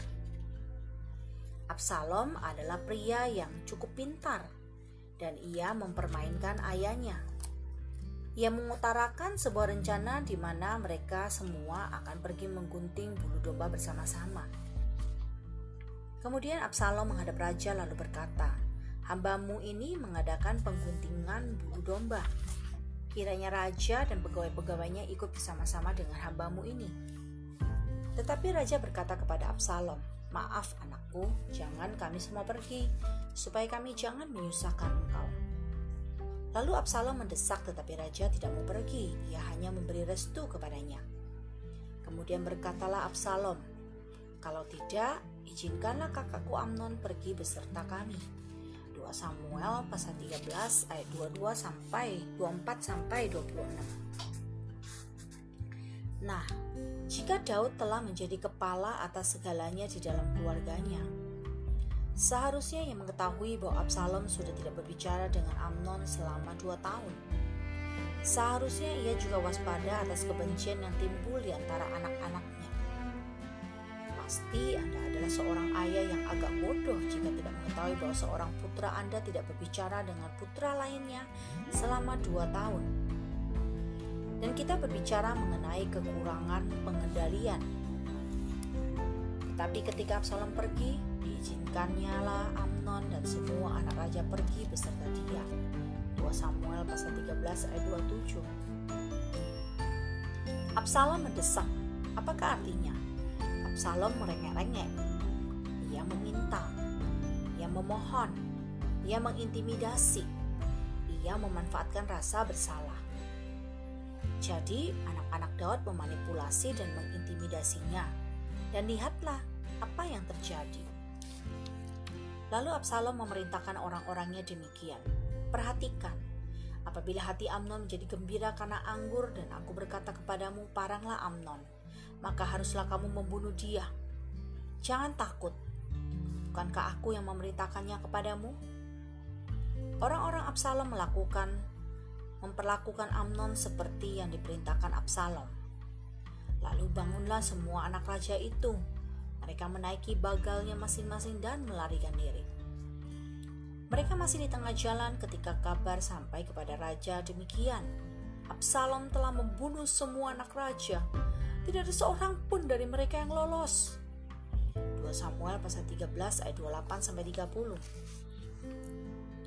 Dengan melacak anak tangga yang menurun sekarang kita melihat Absalom membunuh Amnon. Seorang saudara membunuh saudara lainnya.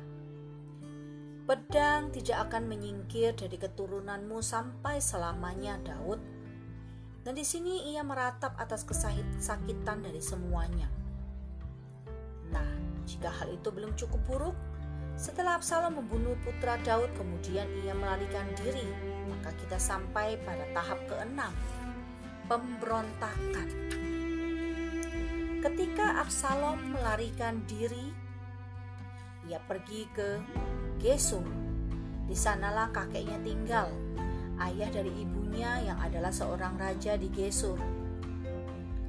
Ia tidak bisa tinggal di rumah, jadi ia akan tinggal bersama kakek sementara ia memulihkan tenaganya dan kemudian merancang rencananya memimpin pemberontakan melawan ayahnya. Dan sesungguhnya itulah yang ia lakukan.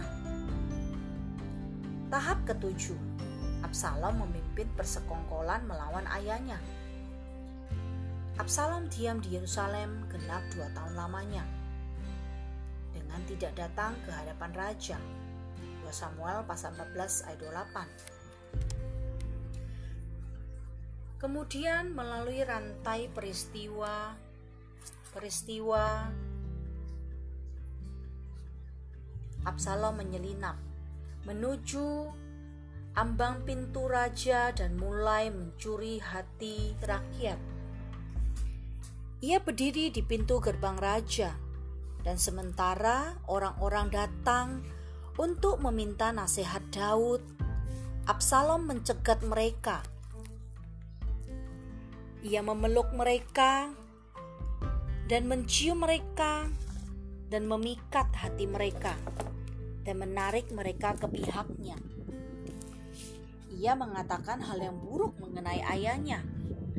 Semuanya salah dan atau berlebih-lebihan. Dan tak lama kemudian ia sudah mendapat suara mayoritas. Dan puncak dari segalanya ialah Daud turun tatah. Kemudian berbicaralah Daud kepada semua pegawainya yang ada bersama-sama dengan dia di Yerusalem. Bersiaplah, marilah kita melarikan diri, sebab jangan-jangan kita tidak akan luput dari Absalom. 2 2 Samuel pasal 15 ayat 14. Kemudian tahap akhir di dalam rantai kehancuran dari konsekuensi itu datang ketika ketika Yoab membunuh Absalom. Pedang belum menyingkir dari keluarga Daud. Tentu saja Daud menyesali hari ketika ia melihat Bathsheba dan menjalani satu tahun penipuan. Dan akhirnya sebagai akibat dari pemerkosaan, persekongkolan, pemberontakan, kebencian dan pembunuhan, sekarang ia duduk sendiri di dalam istana. Tidak diragukan lagi ia berpeluh karena keletihan. Lalu masuklah seorang pembawa pesan yang membawa kabar buruk. Bertanyalah raja kepada orang Ethiopia itu, "Selamatkah Absalom, orang muda itu?" 2 Samuel pasal 18 ayat 32.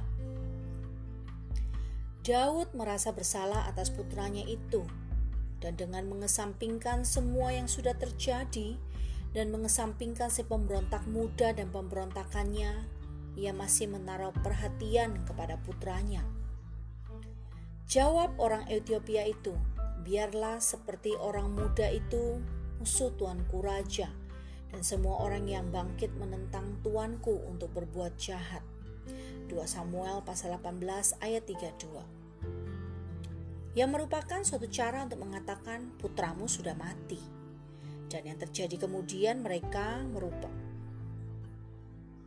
mungkin merupakan pemandangan mengenai orang tua yang paling mendukakan dan paling menyedihkan di dalam perjanjian lama. Maka terkejutlah raja dan dengan sedih ia naik ke anjung pintu gerbang lalu menangis. Dan beginilah perkataannya sambil berjalan anakku Absalom, anakku, anakku Absalom. Ah, kalau aku mati menggantikan kau, Absalom, anakku, anakku. 2 Samuel pasal 18 ayat 33. Daud merupakan seorang yang terpukul.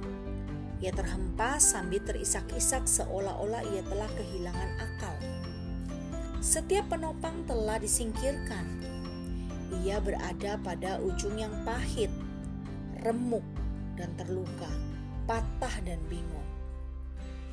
Tuayan dari dosanya hampir melebihi daripada yang dapat ditanggungnya. Jangan sesat, Allah tidak membiarkan dirinya dipermainkan, karena apa yang ditabur orang itu juga yang akan dituainya. Galatia 6 ayat 7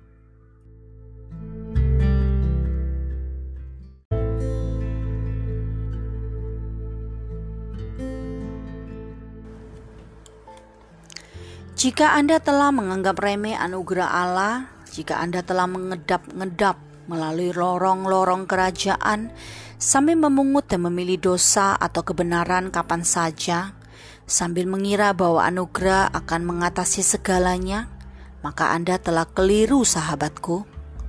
Anda telah keliru sekali. Sebenarnya, kemungkinan besar Anda akan menuai tuayan pahit konsekuensi-konsekuensi dari benih dosa yang ditanam pada masa lalu. Mungkin saat ini Anda hidup di dalam suatu situasi kompromi atau tepat berada di ujung situasi tersebut. Anda meluncur di sepanjang permukaan sambil berharap tuayan itu tidak dapat menyusul. Tetapi Allah tidak membiarkan dirinya dipermainkan. Tuayan akan menyusul, akan Percayalah kepada saya mengenai hal ini, tuayan akan menyusul. Sebab upah dosa adalah maut, tetapi karunia Allah ialah hidup yang kekal dalam Kristus Yesus Tuhan kita. Roma pasal 6 ayat 23. Berpalinglah padanya saat ini juga. Palingkanlah hidup Anda kepadanya.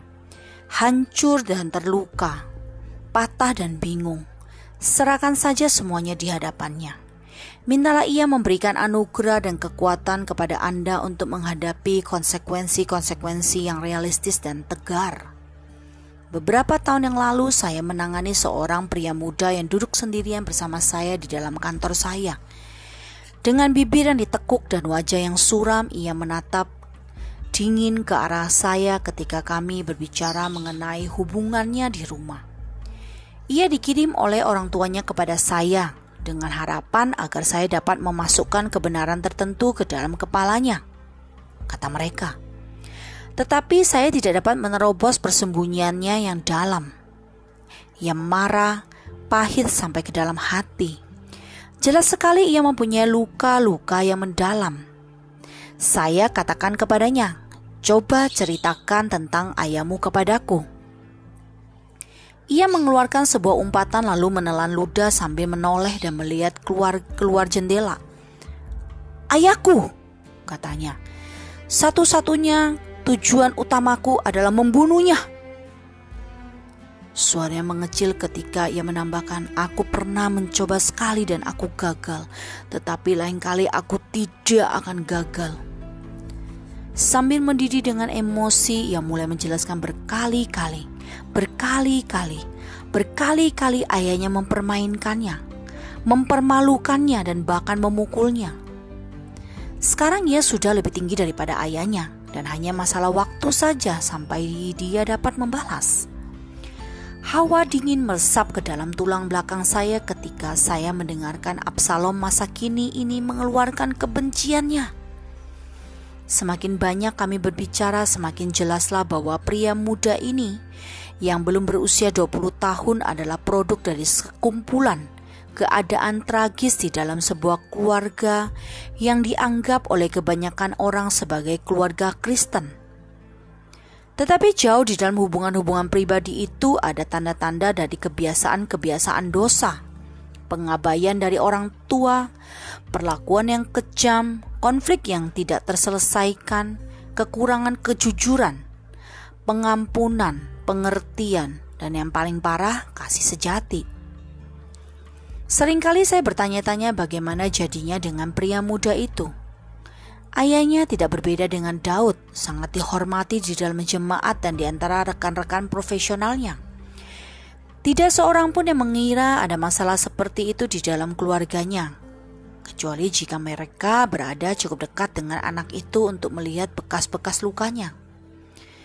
Bagi semua orang lainnya, Daud adalah raja, dan bagi Absalom, Daud adalah ayah. Saya bertanya-tanya bagaimana ia akan menjelaskan tentang Daud ayahnya. Seandainya dalam kematiannya ia dapat berbicara.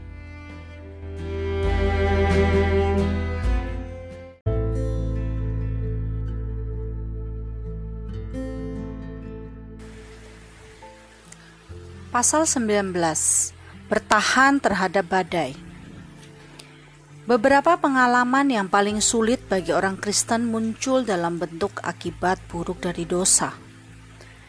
Ini adalah perkara yang tidak suka kita pikirkan atau bicarakan di dalam keluarga kita. Tetapi tetap harus diutarakan Sebenarnya mungkin mengejutkan Anda untuk mengetahui betapa seringnya firman Allah mengatakannya. Kemudian pada perjanjian lama, sebagai contoh yang dinyatakan oleh tulisan-tulisan para nabi zaman dahulu, Nabi Hosea. Saya sudah menjelaskan secara singkat pada pasal sebelumnya untuk mengumumkan pesan yang keras dari Allah kepada Israel umatnya memberontak, Hosea menuliskan, mereka yang menabur angin, maka mereka akan menuai puting beliung. Hosea 8 ayat 7 Nabi itu tidak sedang menjelaskan mengenai bangsa Israel.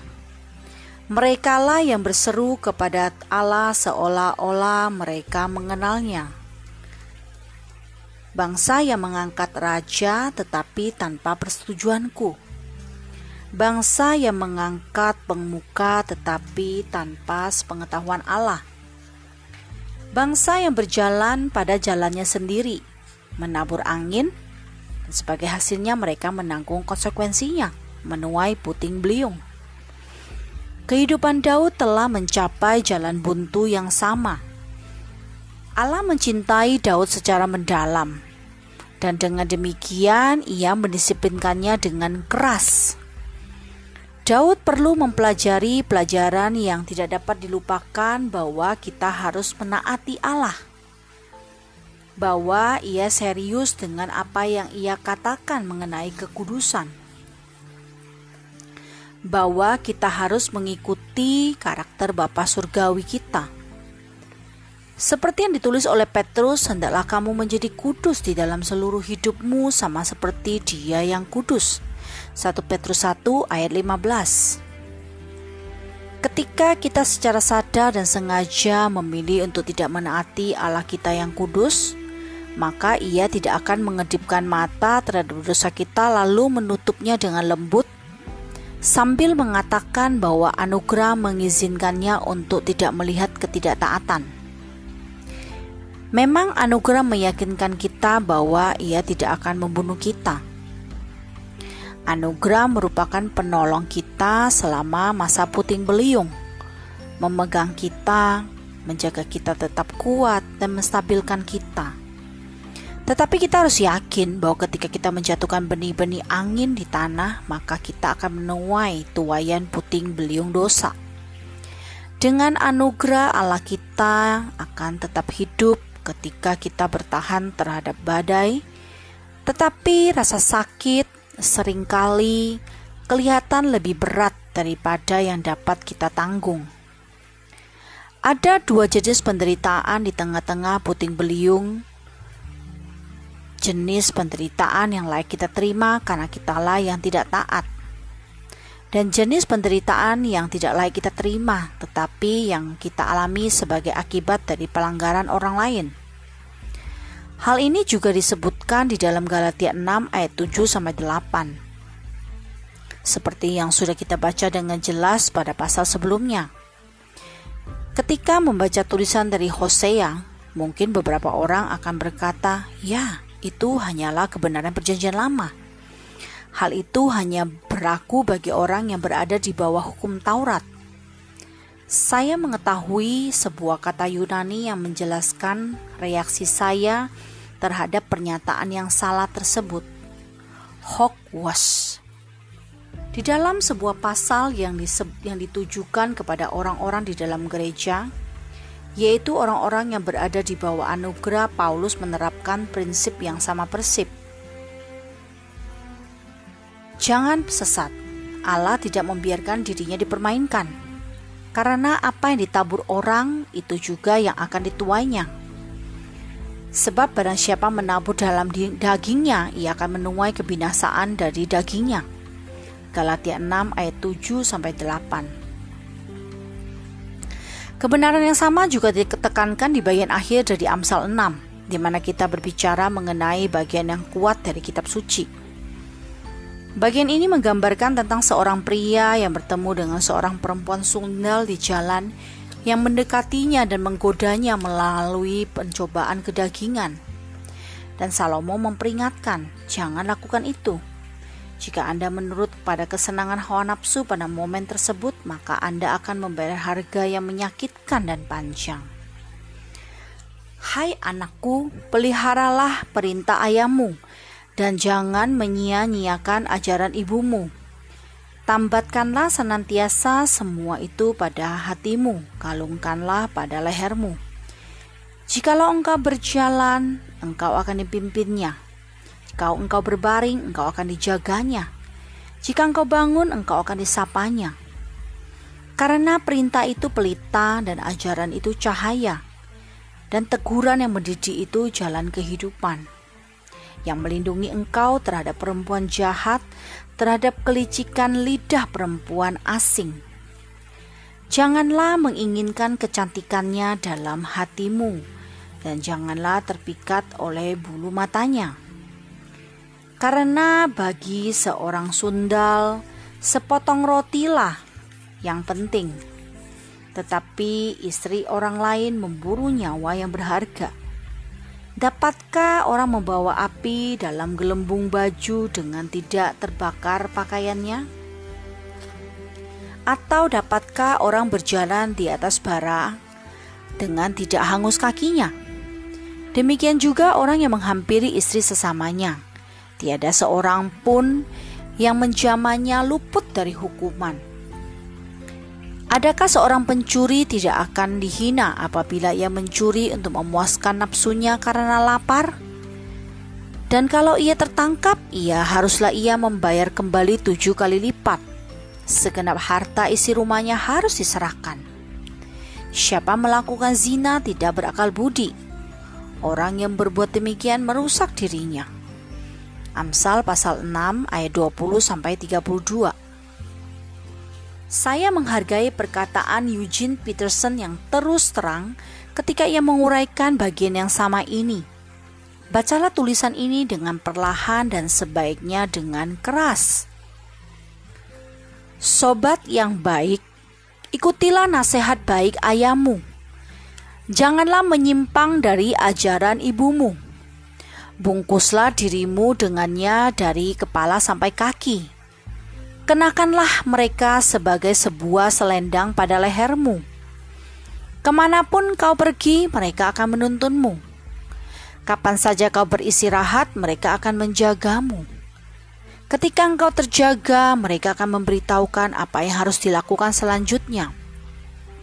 Karena nasihat baik yang baik adalah sebuah lentera, ajaran yang baik adalah sebuah lampu, disiplin moral adalah jalan kehidupan. Mereka akan melindungimu dari wanita tuna susila dari ucapan menggairahkan beberapa wanita penggoda. Janganlah membayangkan kecantikannya dengan penuh gairah. Juga jangan tergoda oleh matanya yang sayu. Engkau dapat membeli satu jam dari seorang pelacur dengan sepotong roti. Tetapi seorang wanita tuna susila juga dapat menelanmu hidup-hidup. Dapatkah engkau menyalahkan api di dalam pangkuanmu dengan tidak membakar celanamu? Dapatkah engkau berjalan tanpa sepatu di atas bara api dengan tidak melepuh kulitmu? Begitu juga ketika Anda berhubungan seks dengan istri tetanggamu. Sentuhlah ia, maka engkau harus membayarnya. Tidak ada ampun. Perzinahan adalah perbuatan bodoh, merusak jiwa, menghancurkan diri sendiri. Pasti engkau akan mengalami hidung yang berdarah dan mata yang sebab dan reputasi yang rusak untuk selamanya. Tulisan tersebut menjelaskan dengan cukup baik, bukan? Hidung yang berdarah, mata yang sembab, reputasi yang rusak untuk selamanya. Bagian yang paling tragis tentu saja adalah ketika seorang penonton yang tidak bersalah ikut terbawa ke dalam akibat dari dosa orang lain yaitu ketika orang-orang di sekitar Anda harus membayar konsekuensi bersama dengan orang yang seharusnya bertanggung jawab. Setelah salah satu khotbah saya yang berhubungan dengan konsekuensi beberapa tahun yang lalu, seorang wanita datang kepada saya dan menyerahkan kepada saya sebuah catatan yang ditulis pada kertas persegi yang kecil dan terlipat dengan rapi. Di dalamnya ia menceritakan tentang bagaimana salah seorang anaknya yang sekarang sudah dewasa telah memilih untuk berpaling dari Allah. Kesengsaraan dan malapetaka yang ia ciptakan memakan korban yang menyedihkan dari anggota keluarganya. Aku belum pernah mendengar sebuah khotbah di mana seorang pun menjelaskan bahwa Anda dapat bertahan di dalam badai orang lain ketika seharusnya bukan Anda yang bertanggung jawab, tulisnya. Kami membesarkan anak kami sebaik mungkin dengan apa yang kami miliki. Dan sekarang ia meninggalkan kami begitu saja dan tidak mau menerima didikan. Ia berjalan menurut keinginannya. Dan sekarang semua anggota keluarga hidup dalam keadaan sengsara. Bagaimana kami harus menanganinya? Bagaimana kita dapat bertahan di dalam badai orang lain? Baik Anda maupun orang lain yang menyebabkannya, apakah yang Anda lakukan ketika Anda menuai puting beliung milik orang lain? Bagaimana Anda sesungguhnya menanganinya? Ilustrasi terbaik di dalam kitab suci, Anda akan tertarik untuk mengetahuinya. Ditemukan di dalam kehidupan Daud. Keluarga Daud menjawab pertanyaan ini untuk kita, seperti yang sudah kita teliti pada dua pasal sebelumnya Daud merupakan seorang pria hebat yang berkompromi.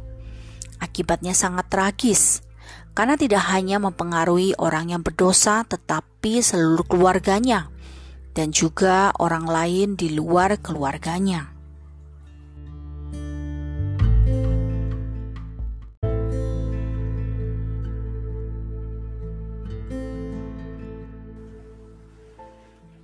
Daud menghadapi kenyataan. Daud mengakui taburan yang telah ia perbuat di hadapan Allah dan Nabi Nathan. Lalu berkatalah Daud kepada Nathan, "Aku sudah berdosa kepada Tuhan." 2 Samuel pasal 12 ayat 13. Aku sudah berdosa.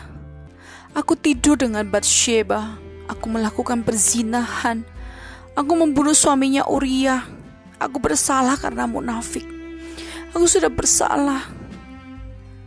Tanpa keberatan atau rasionalisasi, ia mengakui dosanya di hadapan Allah. Dan Nathan berkata kepada Daud, Tuhan telah menjauhkan dosamu itu, engkau tidak akan mati. 2 Samuel pasal 12 ayat 13 Sekarang ada janji anugerah Menurut hukum Taurat, jika Anda melakukan perzinahan, maka Anda harus dilempar dengan batu. Jika Anda membunuh seseorang tanpa perkecualian, Anda harus dibunuh. Mata ganti mata, gigi ganti gigi, nyawa ganti nyawa. Tetapi jangan katakan kepada saya bahwa tidak ada anugerah di dalam Perjanjian Lama. Karena pada saat ini anugerah datang menyelamatkan Daud. Nathan meyakinkan dia, "Daud, kau tidak akan mati." Walaupun demikian, karena engkau dengan perbuatan ini telah sangat menista Tuhan, pastilah anak yang lahir bagimu akan mati. 2 Samuel pasal 12 ayat 14 Sungguh suatu perkataan yang mengerikan untuk didengar. Pada masa itu, Allah berbicara dengan suara yang dapat didengar oleh umatnya. Sekarang karena kita telah memiliki Alkitab untuk dibaca dan memberikan bimbingan, maka Allah berbicara kepada kita langsung melalui firman-Nya. Tetapi pada masa itu, Allah berbicara kepada umatnya melalui mimpi-mimpi dan penglihatan-penglihatan, dan melalui individu-individu lain yang telah ditentukan, seperti hakim-hakim, pemimpin-pemimpin, dan nabi-nabi. Dan Nathan sang nabi contohnya yang berbicara bagi Allah berkata kepada Daud, "Engkau telah diampuni, engkau tidak akan mati, tetapi bayimu akan mati." Dan itu hanyalah bagian pertama dari serentetan peristiwa yang akan terjadi Daud. Semua hal yang akan terjadi ini akan menjadi peringatan yang permanen bahwa barang siapa menabur dalam daging, menabur angin, atau men akan menuai kebinasaan yaitu puting beliung dari dagingnya.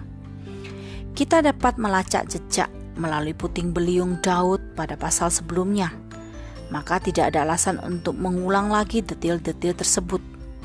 Keinginan saya sekarang adalah untuk menyatakan bagaimana dapat bertahan di dalam badai seperti itu ketika badai itu memimpin kita.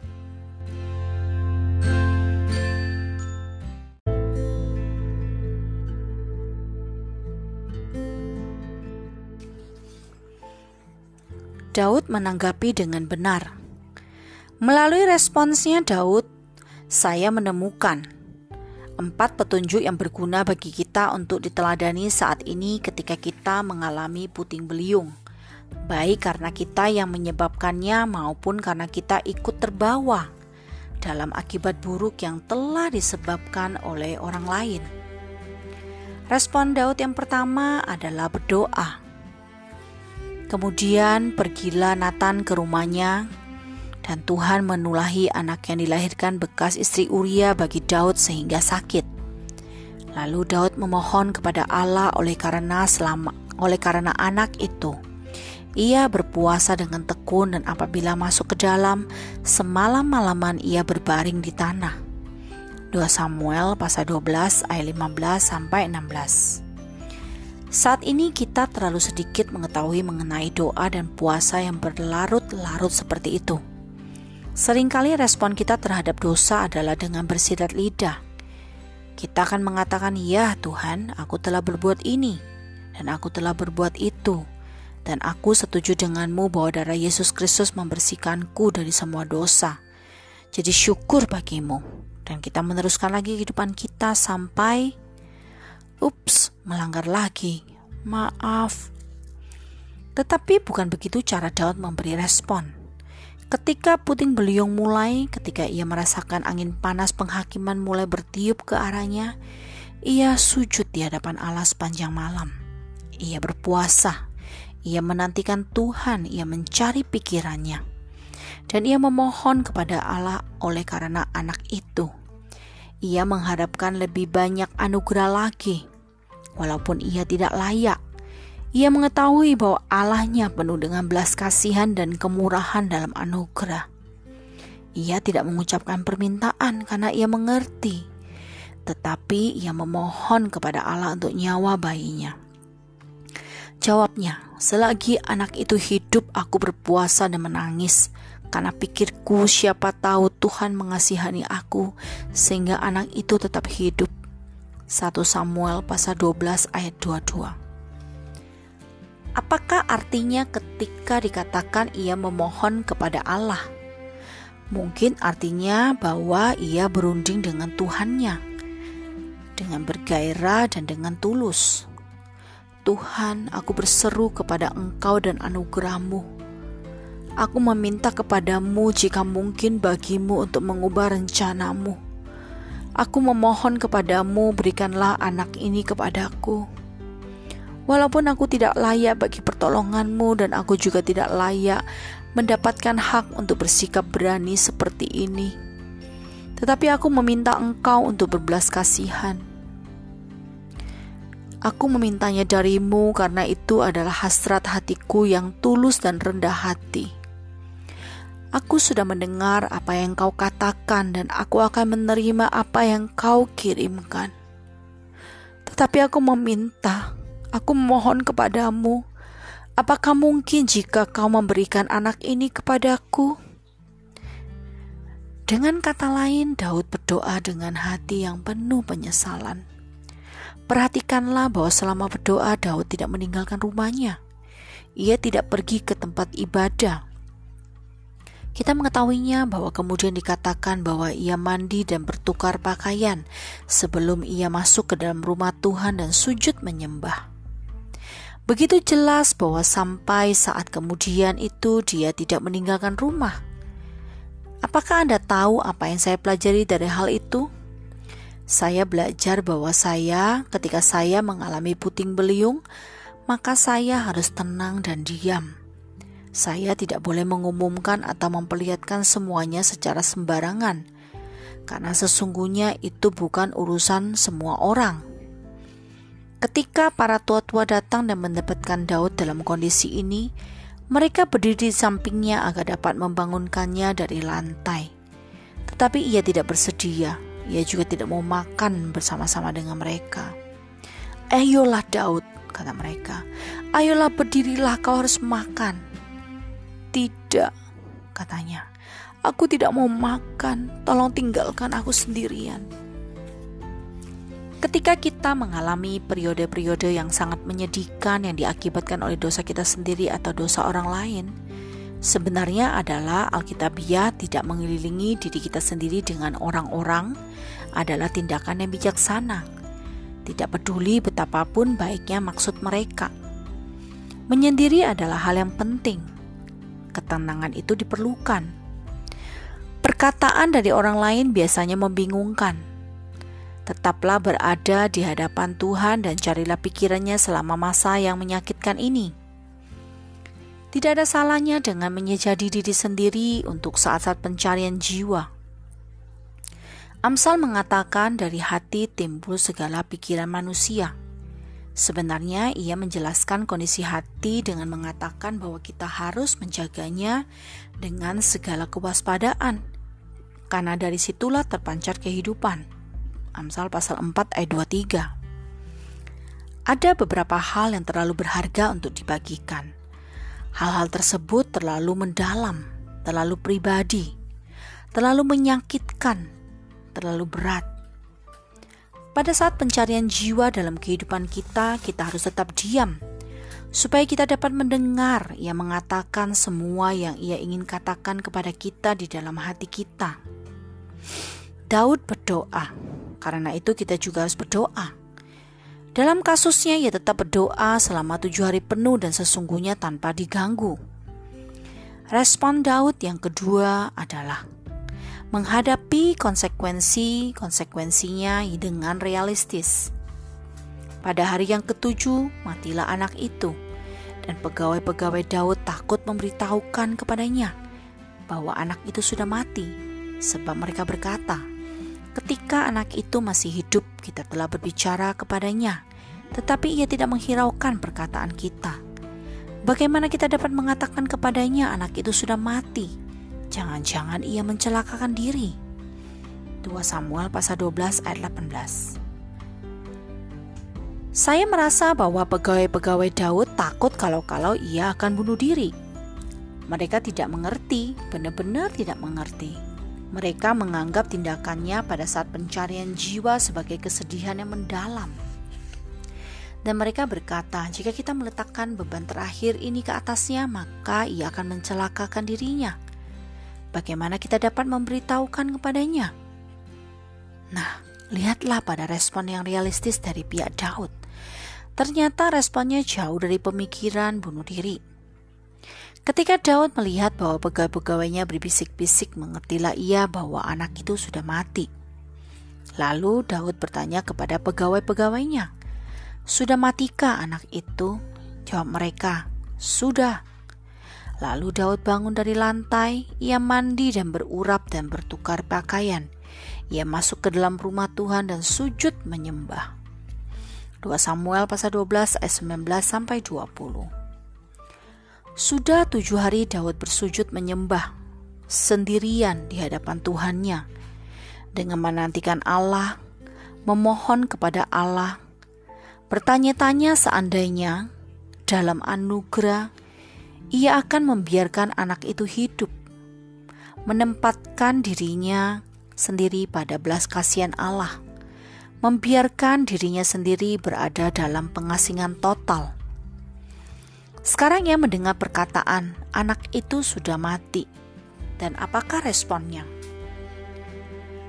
Dengan diam ia bangun, mandi, bertukar pakaian dan masuk ke dalam rumah Tuhan dan sujud menyembah. Ketika saya membacanya, saya memikirkan Ayub. Maka berdirilah Ayub lalu mengoyak jubahnya dan mencukur kepalanya. Kemudian sujudlah ia dan menyembah. Katanya, dengan telanjang aku keluar dari kandungan ibuku, dengan telanjang juga aku akan kembali ke dalamnya. Tuhan yang memberi, Tuhan yang mengambil, terpujilah nama Tuhan. Ayub 1 pas ayat 20 sampai 21.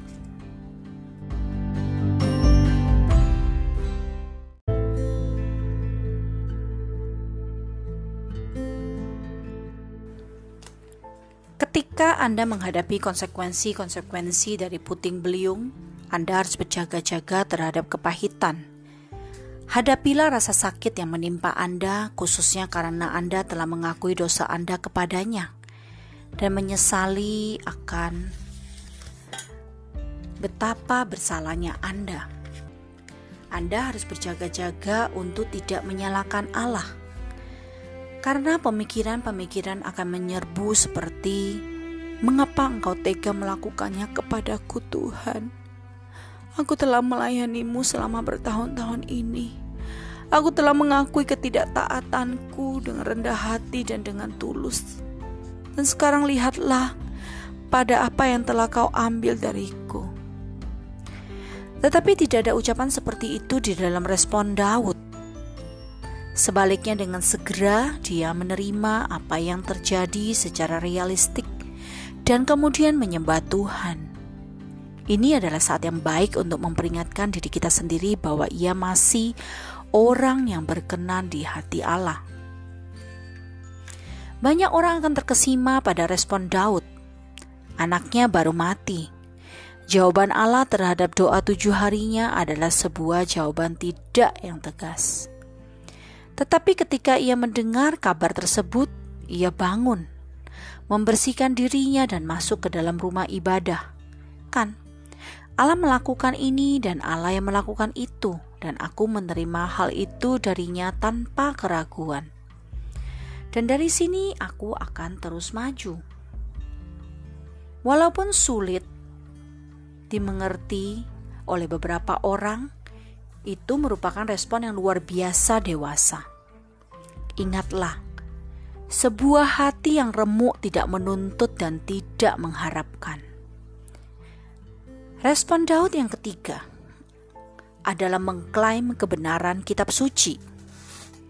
Jika Anda pernah ingin terlibat sendiri dengan firman Allah, maka Anda ingin mengalaminya ketika krisis menyerang. Anda tidak boleh membiarkan emosi Anda yang menjadi penuntun Anda. Kalau tidak, Anda dapat melakukan sesuatu yang merusak atau sesuatu yang bodoh.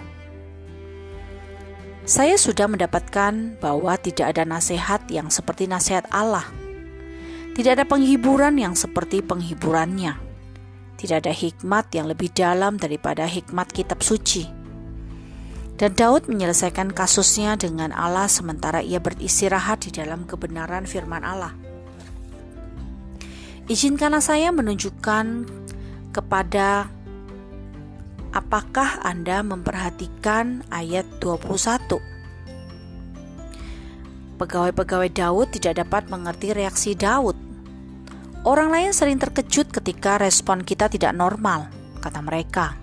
Mereka mengira kita akan hancur, meratap, kehilangan akal. Dan lihatlah reaksi pegawai-pegawai Daud. Berkatalah pegawai-pegawainya kepadanya, Apakah artinya hal yang kau perbuat ini? Oleh karena anaknya masih hidup itu, engkau berpuasa dan menangis. Tetapi sesudah anak itu mati, engkau bangun dan makan.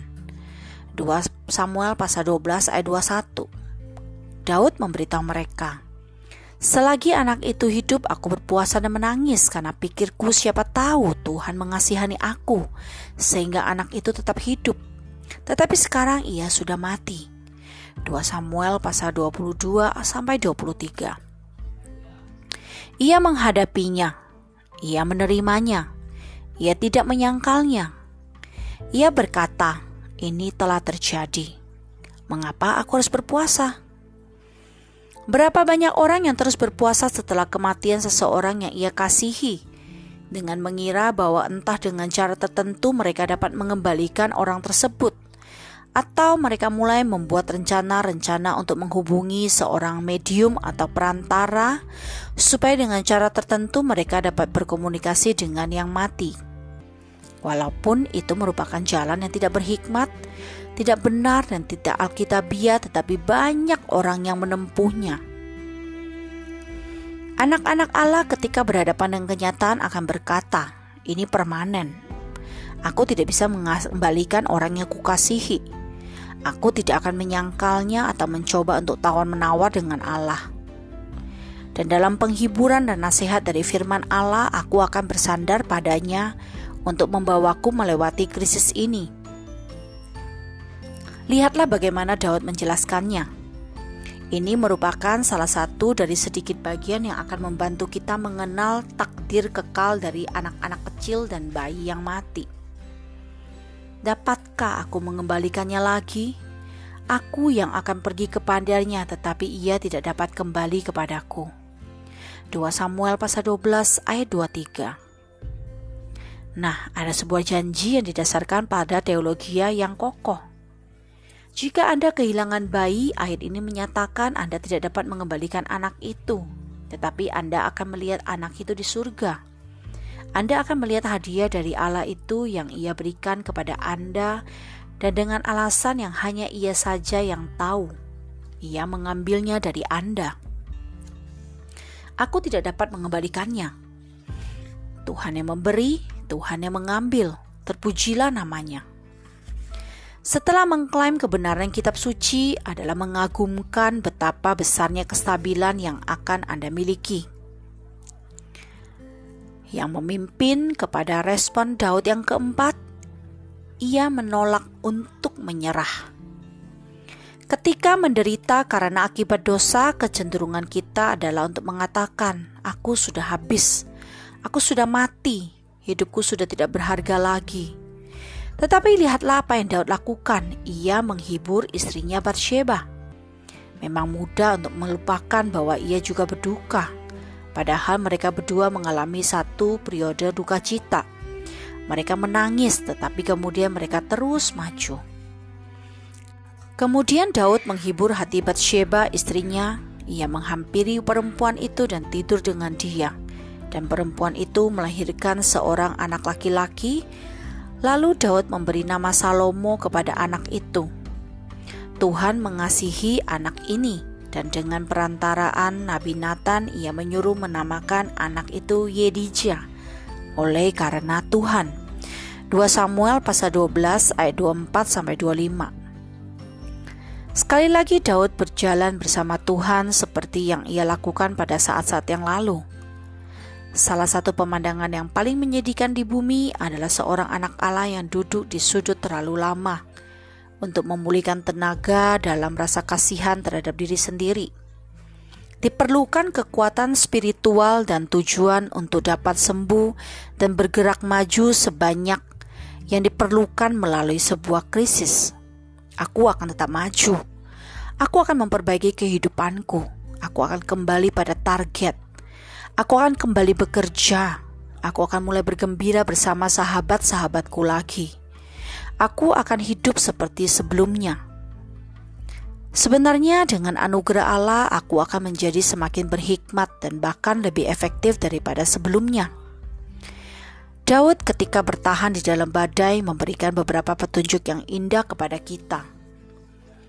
Ia berdoa, ia menghadapi konsekuensi-konsekuensinya dengan realistis, ia menggambelikan semuanya kepada Tuhan sementara ia mengklaim kebenaran Alkitabiah mengenai kematian. Dan kemudian ia menolak untuk menyerah. Ia terus maju dengan bersandar pada Allahnya untuk mendapatkan kekuatan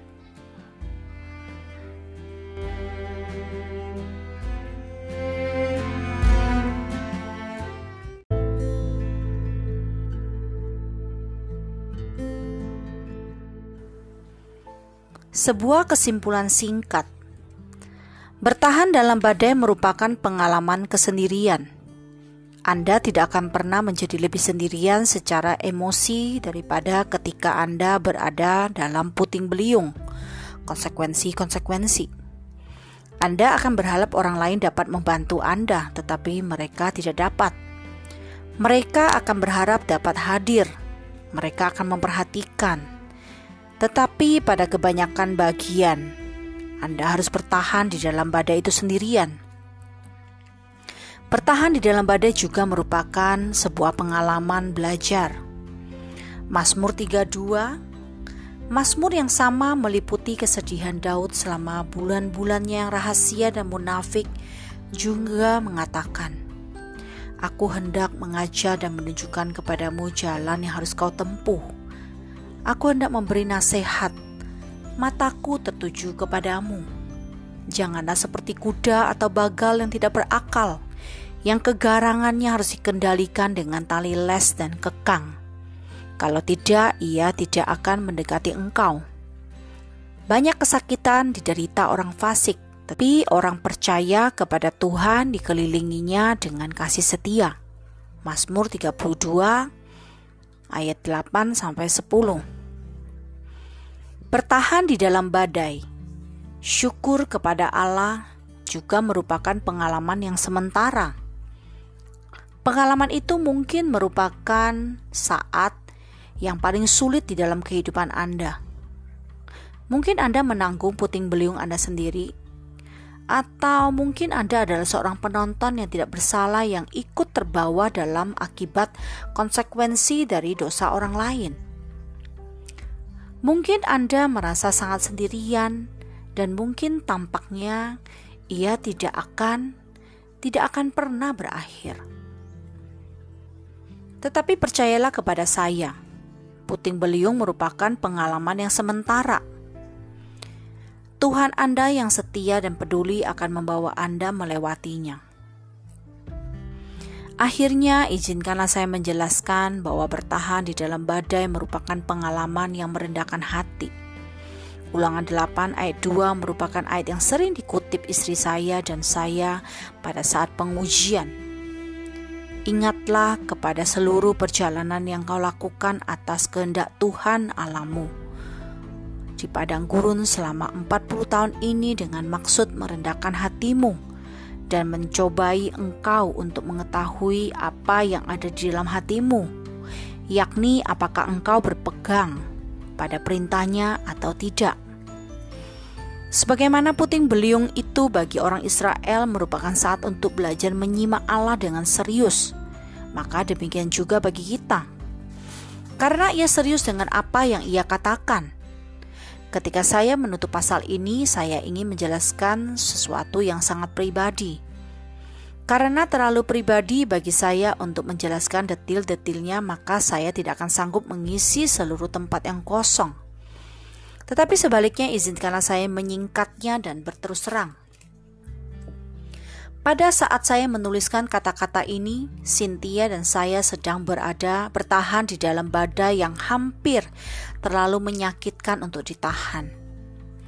Kami menderita karena konsekuensi dari ketidaktaatan orang lain, bukan ketidaktaatan kami.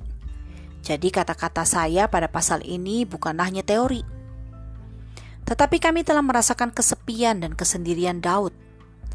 Permohonan Daud untuk memperoleh anugerah. Doanya yang tidak putus-putus ditambah dengan puasa. Hasratnya yang tulus meminta belas kasihan untuk menyelamatkannya. Maka kami tahu berdasarkan pengalaman apa yang ia bicarakan. Tetapi situasi kami berbeda dengan situasi Daud pada bagian tertentu yang penting ia sudah melihat akhir dari periode penantian itu. Sedangkan kami belum, masih belum. Penantian dan tangisan kami masih berlanjut. Badai masih berlanjut. Badai masih berlangsung. Maka kami menanti, dan kami menanti, dan kami terus menanti. Dengan iman kami mengklaim damainya. Karena anugerah kami mengenal belas kasihannya. Tetapi sementara itu hati kami tetap hancur dan hati mata kami tidak pernah terlepas dari air mata. Lirik yang mengharukan dari dua himne abad ke-18 yang indah yang telah saya nyanyikan selama beberapa dekade telah memberikan penghiburan kepada saya seperti pagi ini jauh sebelum subuh. Di dalam setiap angin badai yang bertiup di dalam setiap ombak besar yang menyengsarakan, ada ketenangan, sebuah tempat berteduh yang ditemukan dalam tempat yang penuh rahmat. Ah, ke manakah kita dapat pergi untuk mendapatkan pertolongan? Ketika kita dicobai, terkucil dan cemas, atau betapa penguasa neraka dikalahkan, apakah orang-orang saleh tidak mendapatkan tempat yang penuh rahmat? Dan marilah engkau yang berduka, di mana engkau, di manakah kau yang bersedih? Datanglah ke tempat yang penuh rahmat, bersujud dengan sungguh-sungguh. Bawalah hatimu yang terluka ke sini. Ceritakanlah kesedihanmu di sini. Tidak ada kesedihan di bumi yang tidak dapat disembuhkan oleh surga.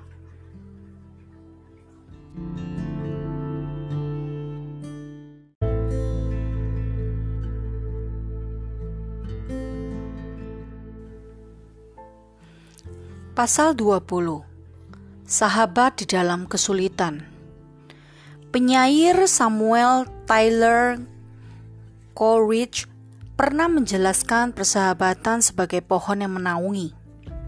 Sungguh suatu penjelasan yang indah mengenai persahabatan yang istimewa.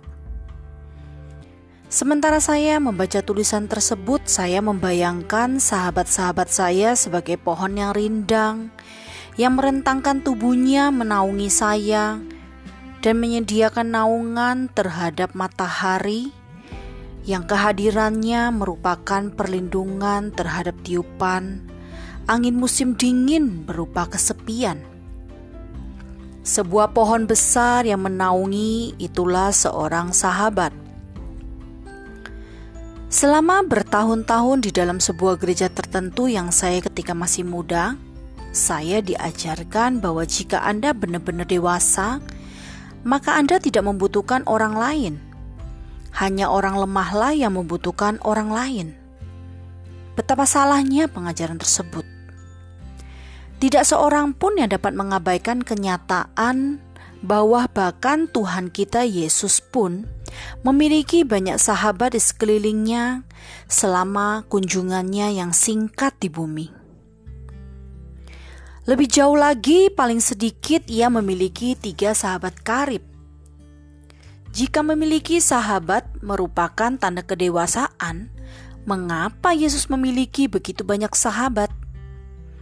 Kenyataan yang benar adalah ini: memiliki seorang sahabat atau membutuhkan seorang sahabat bukanlah sebuah tanda kelemahan atau ketidakdewasaan, tetapi menganggap bahwa Anda tidak membutuhkan seorang sahabat justru merupakan tanda ketidakdewasaan. Courage memang benar, sahabat adalah seperti pohon yang menaungi. seorang pria yang hancur. Ketika kita melihat tahap berikutnya dari kehidupan Daud, maka kita akan mendapatkan seorang yang tidak hanya menjadi pohon yang menaungi, tetapi kita mendapatkan serumpun tanaman yang rimbun. Tetapi pertama-tama, mari kita melihat situasi di mana sejak sekarang Daud berada. Secara pribadi, ia terobang-ambing di dalam rasa bersalah. Ia telah melakukan perzinahan dengan Bersheba dan kemudian membunuh suaminya. Kemudian berbulan-bulan ia hidup seperti orang munafik. Sebagai akibat dari semua perbuatan ini, ia kehilangan bayinya dan melihat seluruh dunianya hancur. Ia diliputi oleh rasa bersalah. Mazmur 32 dan 51 menegaskan hal ini. Secara domestik, rumah tangganya terpecah belah. Seperti yang kita lihat pada pasal 18, ada kemarahan, kepahitan, inses, perkosaan, pembunuhan, dan pemberontakan di antara anak-anaknya yang sudah dewasa, yang akhirnya memuncak pada persekongkolan melawannya yang dipimpin anaknya Absalom. Apakah ada rasa sakit lainnya yang lebih buruk daripada kesulitan keluarga? Secara politik, Daud kehilangan kehormatan dan kekuasaannya sebagai seorang pemimpin. Dia tidak hanya kehilangan hubungannya dengan keluarganya, ia juga menerima kritik yang semakin bertambah dari dalam negara. Pahlawan mereka mempunyai banyak kesalahan secara pribadi, domestik, dan politik. Kemudian ia sedang terluka. Pada saat inilah persekongkolan Absalom berkembang. Sesudah itu Absalom menyediakan baginya sebuah kereta serta kuda dan 50 orang yang berlari di depannya. Maka setiap pagi berdirilah Absalom di tepi jalan yang menuju pintu gerbang setiap orang yang mempunyai perkara dan yang mau masuk menghadap raja untuk diadili perkaranya, orang itu dipanggil Absalom dan ditanyainya, "Dari kota manakah engkau?" Apabila ia menjawab, "Hambamu ini datang dari suku Israel Anu," maka berkatalah Absalom kepadanya, "Lihat, perkaramu itu baik dan benar, tetapi dari pihak raja tidak ada seorang pun yang mau mendengarkan engkau." Lagi kata Absalom, Sekiranya aku diangkat menjadi hakim di negeri ini, maka setiap orang yang mempunyai perkara atau pertikaian hukum boleh datang kepadaku, dan aku akan menyelesaikan perkaranya dengan adil. 2 Samuel pasal 15 ayat 1 sampai 4. Kedengarannya ia seperti sedang mencari muka bukan? Ya, sepertinya itulah yang diperbuatnya walaupun ia tidak mengatakannya. Tekniknya didasarkan pada kebohongan dan pengkhianatan. Ayahnya adalah raja, tetapi ia berada di bawah sana di pintu gerbang, di mana orang-orang datang untuk menyelesaikan keluhan mereka atau mencari nasihat raja. Di sanalah Absalom menunggu untuk mencegat mereka dengan kebohongan dan sindiran. Tunggu sebentar. Kalian tahu Tidak seorang pun di atas sana yang peduli mengenai apa yang akan kalian katakan, tetapi aku peduli. Oh, seandainya ada orang yang melihat nilai dari hikmatku dan mengizinkan aku menjabat jabatan tersebut, aku akan memperlihatkan kepada kalian apa itu keadilan sesungguhnya. Apabila seseorang datang mendekat dan sujud menyembah kepadanya, maka diulurkannya lah tangannya, dipegangnya orang itu dan ciumnya. Cara yang demikianlah diperbuat Absalom kepada semua orang Israel yang mau masuk menghadap untuk diadili perkaranya oleh raja. Dan demikianlah Absalom mencuri hati orang-orang Israel. 2 Samuel pasal 15 ayat 5 sampai 6. Rencana Absalom berjalan dengan sempurna Sedikit demi sedikit ia menurunkan reputasi Daud dan membangun reputasinya sendiri sampai dia siap untuk memulai gerakan besarnya. Dan dalam pada itu Absalom telah mengirim utusan-utusan rahasia kepada segenap suku Israel dengan pesan, Segera sesudah kamu mendengar bunyi sangkakala berserulah, Absalom sudah menjadi raja di Hebron. 2 Samuel pasal 15 ayat 10 Sesungguhnya itulah yang mereka perbuat. Satu tiupan sangkakala dan Absalom sudah dalam perjalanannya. Lalu adalah tanggal seseorang mengabarkan kepada Daud katanya, hati orang Israel telah condong kepada Absalom. 2 Samuel pasal 15 ayat 13. Dan dengan satu desahan, pria yang baik ini sudah hancur, rohnya remuk, Bukan hanya karena putranya mengkhianatinya, tetapi karena ia merasa seperti tidak ada seorang sahabat pun di sekitarnya. Kemudian berbicaralah Daud, Daud kepada semua pegawainya yang ada bersama dengan dia di Yerusalem. Bersiaplah, mari kita melarikan diri, sebab jangan-jangan kita tidak akan luput daripada Absalom. Pergilah dengan segera supaya ia jangan dapat lekas menyusul kita dan mendatangkan celaka atas kita dan memukul kota ini dengan mata pedang.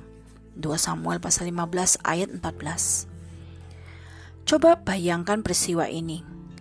Raja Daud yang dahulu hebat sedang tergopoh-gopoh. Ia melemparkan beberapa barang ke dalam tas dan bersiap-siap untuk melarikan diri dari putranya sendiri. Setelah bertahun-tahun ini, Sekali lagi ia harus melarikan diri untuk menyelamatkan nyawanya. Tentu saja ia masih ingat bertahun-tahun ketika ia hidup seperti pelarian ketika melarikan diri dari Saul. Ia kembali mengalaminya. Pernah berada di sana, pernah mengalaminya. Jika pernah ada batang pohon yang berfungsi untuk menaungi, maka Daudlah orangnya. Para pegawai raja berkata kepada raja, terserah kepada tuanku raja, hamba-hambamu ini siap. Lalu keluarga keluarlah raja dan seisi rumah dia. Maka keluarlah raja dan seluruh orang-orangnya mengiringi dia. Dekat rumah yang terakhir mereka berhenti. 2 Samuel pasal 15 ayat 15 sampai 17. Sungguh pemandangan yang mengharukan dan menyedihkan yang terjalin di dalam beberapa kata tersebut. Daud sedang meninggalkan kota besar Sion, kota yang dinamai sesuai dengan namanya, kota Daud. Ketika ia sampai di ujung pada rumah yang terakhir, ia berhenti dan menoleh kembali kepada kota emas metropolitan yang ia perhatikan telah dibangun Allah selama bertahun-tahun yang lalu. Pasti hatinya hancur ketika ia berdiri di sana dan menoleh kembali. Pikirannya dipenuhi dengan kenangan. Sementara di sekelilinginya, Orang-orang dari seisi rumahnya dengan tergesa-gesa melewatinya, dengan membawa banyak beban yang ditumpukkan tinggi bersama dengan barang-barang, dan berlari untuk menyelamatkan nyawa mereka. Ia sedang berada di rumah yang terakhir, dan ia membutuhkan sebatang pohon untuk memberikan naungan tertentu kepadanya. Seseorang yang akan berkata, "Daud, aku berada di sini bersamamu." Aku tidak memiliki jawab semua jawabannya, tetapi Bung, aku dapat meyakinkanmu mengenai hal ini. Hatiku ikut bersamamu. Ketika krisis datang dan tidak seorang pun yang menguatkan Anda, dan Anda kekurangan baju perang dan tidak ada lagi penopang untuk bersandar, tidak ada reputasi untuk bergantung, dan semua lampu telah padam dan orang banyak mengikuti suara yang lain, maka adalah sangat mengagumkan bagaimana Anda mengirimkan sebatang pohon naungan. Sebenarnya Allah tidak memberikan hanya sebatang pohon kepada Daud, melainkan lima pohon sekaligus. Sangat menarik, karena kebanyakan orang belum pernah mendengar tentang mereka.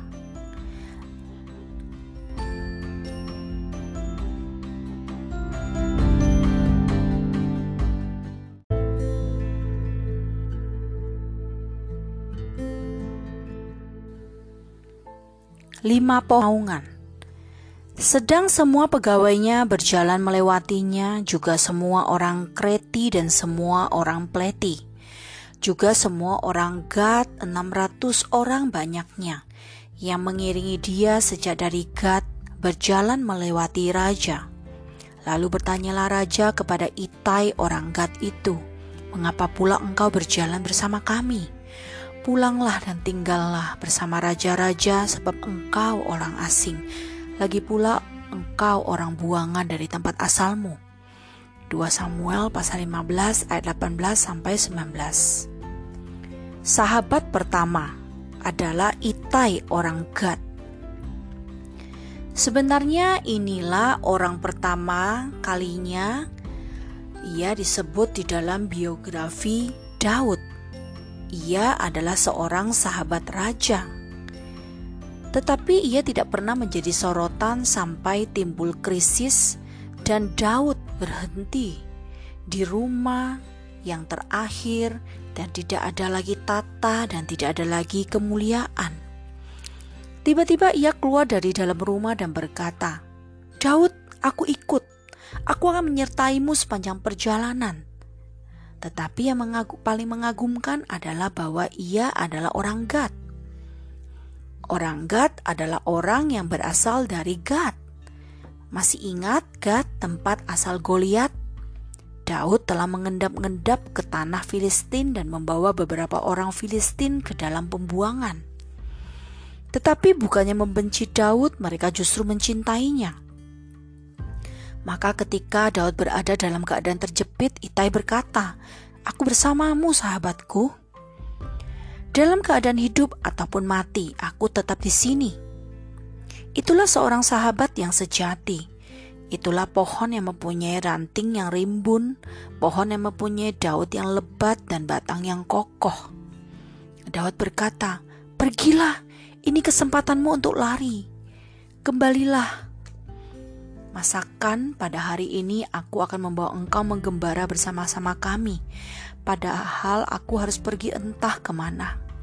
Pulanglah dan bawalah juga saudara-saudaramu pulang. Mudah-mudahan Tuhan menunjukkan kasih dan setia kepadamu. 2 Samuel pasal 15 ayat 20 Shalom saudaraku, ayo pergilah, tempat tujuanku akan sangat sulit. Tetapi Itai menjawab raja, Demi Tuhan yang hidup dan demi hidup Tuanku Raja, di mana Tuanku Raja ada, baik hidup atau mati, di situ hambamu juga ada. 2 Samuel pasal 15 ayat 21 Saya ulangi, itulah seorang sahabat. Ia berkata, Daud, jika mereka menggantungmu, aku akan memasukkan leherku ke dalam jerat di sampingmu. Jika seluruh dunia memusuhi, memusuhimu, aku akan membelamu. Itai memang terbuat dari bahan yang kuat. Tidak banyak sahabat yang seperti itu. Maka Itai berkata, Mari orang-orang Gad, ayo pergi. Maka mereka naik ke atas bukit, meninggalkan Sion di belakang. Di dalam perjalanan bersama raja ke daerah yang tidak berpenghuni, tanpa harapan Ketika segala sesuatu gagal dan semua orang telah melarikan diri, ada beberapa orang berharga yang akan menelpon Anda dan berkata, "Aku menyertaimu, aku bersamamu. Percayalah kepadaku. Panggillah aku kapan saja, siang atau malam aku akan datang. Aku tidak akan mengusirmu ketika engkau sedang terjatuh. Aku berada di sisimu. Aku dapat mengerti." Hal yang mengagumkan ialah bahwa kadang-kadang orang berada sedekat itu adalah justru seorang dari God. Seorang yang pernah menjadi musuh tetapi yang sekarang menjadi sahabat. Seluruh negeri menangis dengan suara keras ketika seluruh rakyat berjalan lewat. Raja menyeberangi sungai Kidron dan seluruh rakyat berjalan ke arah padang gurun. Dan lihat, juga Zadok ada di sana beserta semua orang Lewi mengangkat tabut perjanjian Allah. Mereka meletakkan tabut Allah itu, juga Abiatar ikut datang, sampai seluruh rakyat dari kota selesai menyeberang. 2 Samuel pasal 15 ayat 23 sampai 24. Zadok dan Abiatar merupakan pasangan pohon selanjutnya yang bersedia untuk menaungi Daud. Kedua orang ini adalah orang Lewi, dan mereka datang menyertai sambil mengangkat tabut perjanjian. Mereka meletakkan peti yang berat dan suci itu ke bawah, lalu mereka menatap Daud dan berkata, "Ke manakah kita akan pergi dari sini? Kami bersama denganmu, Daud. Kami sudah bersamamu selama ini." Orang-orang ini adalah para imam, para wakil Allah yang melayani di dalam rumah Allah. Lalu berkatalah raja kepada Zadok, "Bawalah tabut itu kembali ke kota." Jika aku mendapat kasih karunia di mata Tuhan, maka Ia akan mengizinkan aku kembali, sehingga aku akan melihatnya lagi juga tempat kediamannya. Tetapi jika Ia berfirman begini, "Aku tidak berkenan kepadamu," maka aku bersedia. Biarlah dilakukannya kepadaku apa yang baik di matanya. 2 Samuel pasal 15 ayat 25 sampai 26.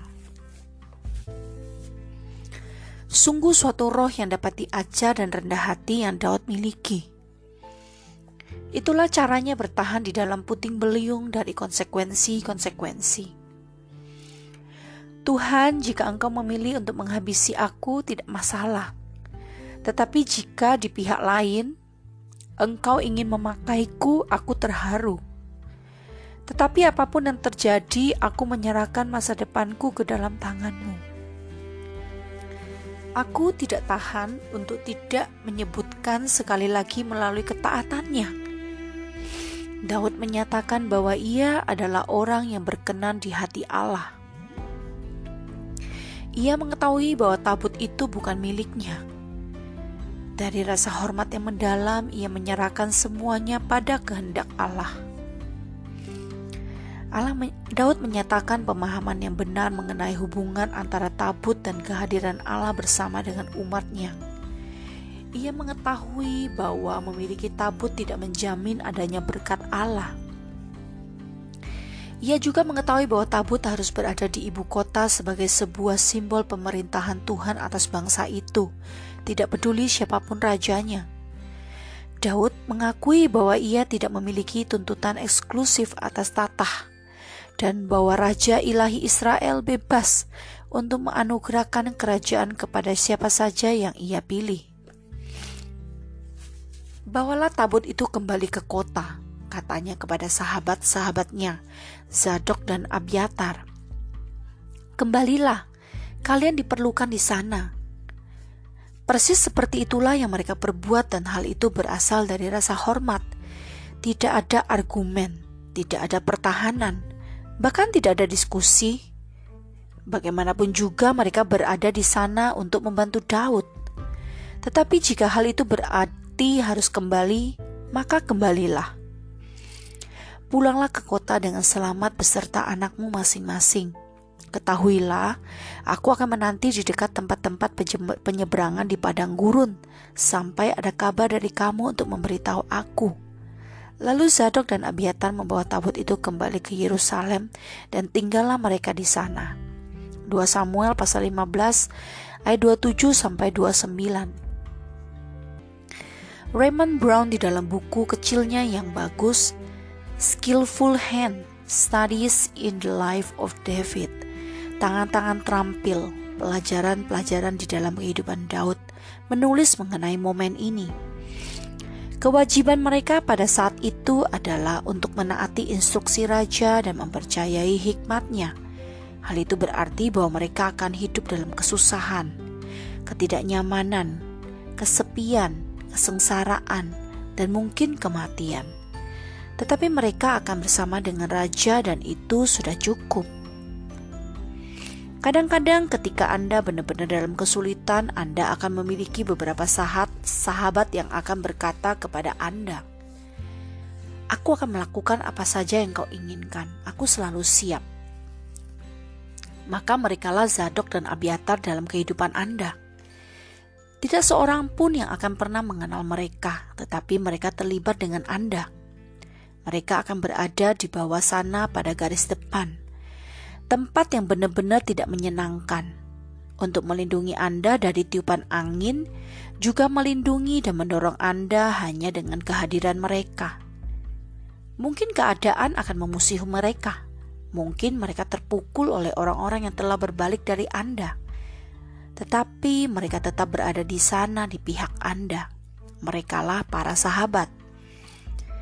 Daud mendaki bukit Jaitun sambil menangis. Kepalanya berselubung dan ia berjalan dengan tidak berkasut. Juga seluruh rakyat yang bersama-sama dengan dia masing-masing berselubung kepalanya dan mereka mendaki sambil menangis. 2 Samuel pasal 13 ayat 30 Bayangkanlah sang raja Israel yang hebat tanpa berkasut, kepala berselubung, dan menangis dengan keras sambil menang, mendaki bukit Zaitun. Dan semua orang yang berjalan bersamanya juga larut di dalam tangisan. Itu merupakan pemandangan yang menyedihkan, tetapi realistis. Ketika Daud sampai ke puncak, ke tempat orang sujud menyembah Allah, maka datanglah Husai, orang Arki, mendapatkan dia dengan jubah yang terkoyak dan dengan tanah di atas kepala. 2 Samuel pasal 15 ayat 32. Siapakah Husai?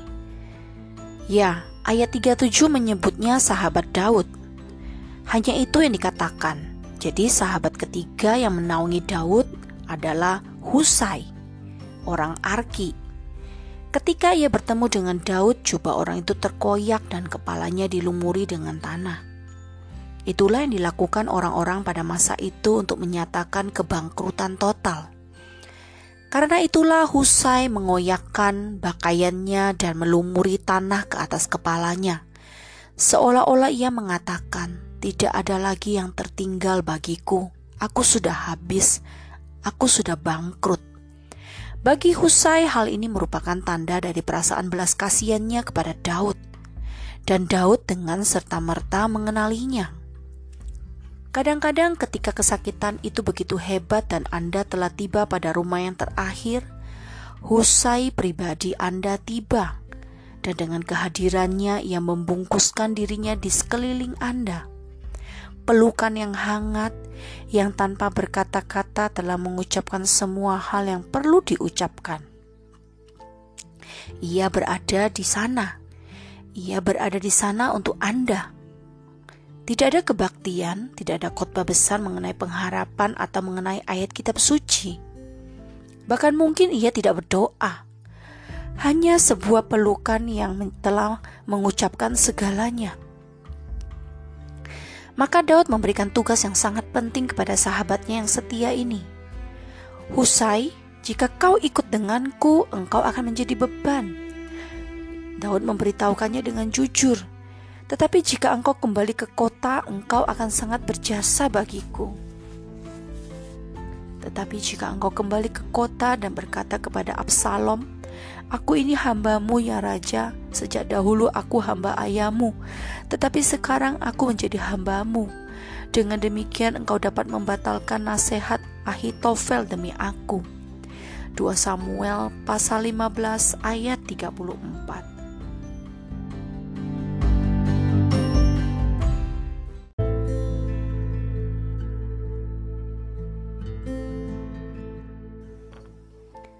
Mungkin Anda sedang berpikir, siapa sih Ahitofel?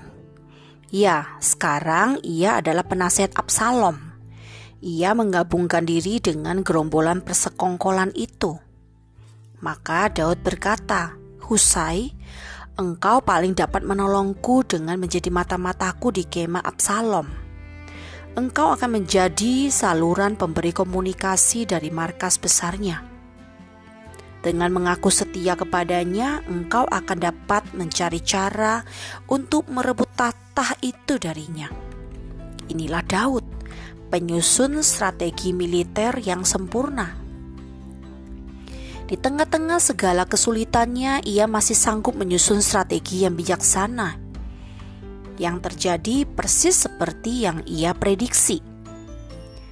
Sesungguhnya keseluruhan jaringan komunikasi telah dirancang yang memimpin kepada penggulingan Absalom, Husai, Zadok, Abiatar, dan seorang gadis yang tidak dikenal yang membawa pesan, Yonatan, Ahimas, dan seorang perempuan yang tidak disebutkan namanya yang menyembunyikan dua orang pembawa pesan, dan yang terakhir, menyembunyikan seorang anak laki-laki suruhan yang menyampaikan sebuah pesan kepada Daud.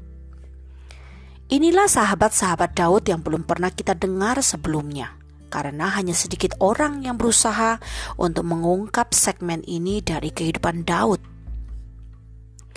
Tetapi ketika timbul krisis dan mereka telah tiba pada rumah yang terakhir, orang-orang ini berkumpul di sekeliling sahabat mereka, Daud.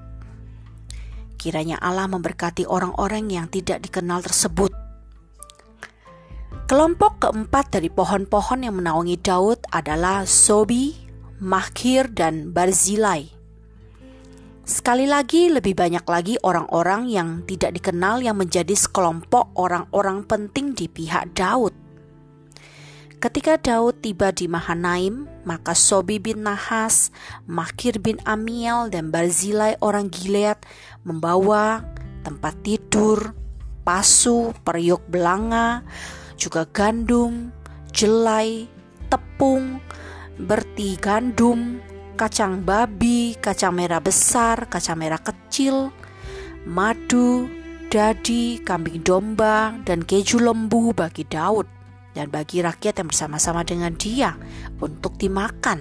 Sebab kata mereka, rakyat ini tentu telah menjadi lapar, lelah dan haus di padang gurun.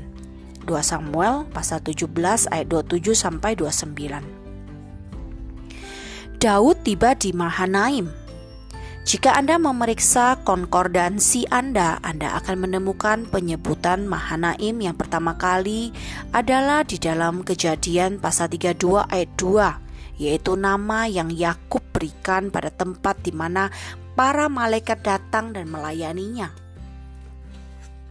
Berabad-abad kemudian di sinilah Daud berada, di tengah-tengah daerah yang tidak jelas, Mahanaim serta para malaikat datang dalam bentuk tiga orang pria yang membawa kepada mereka semua makanan dan persediaan yang mereka butuhkan di padang gurun.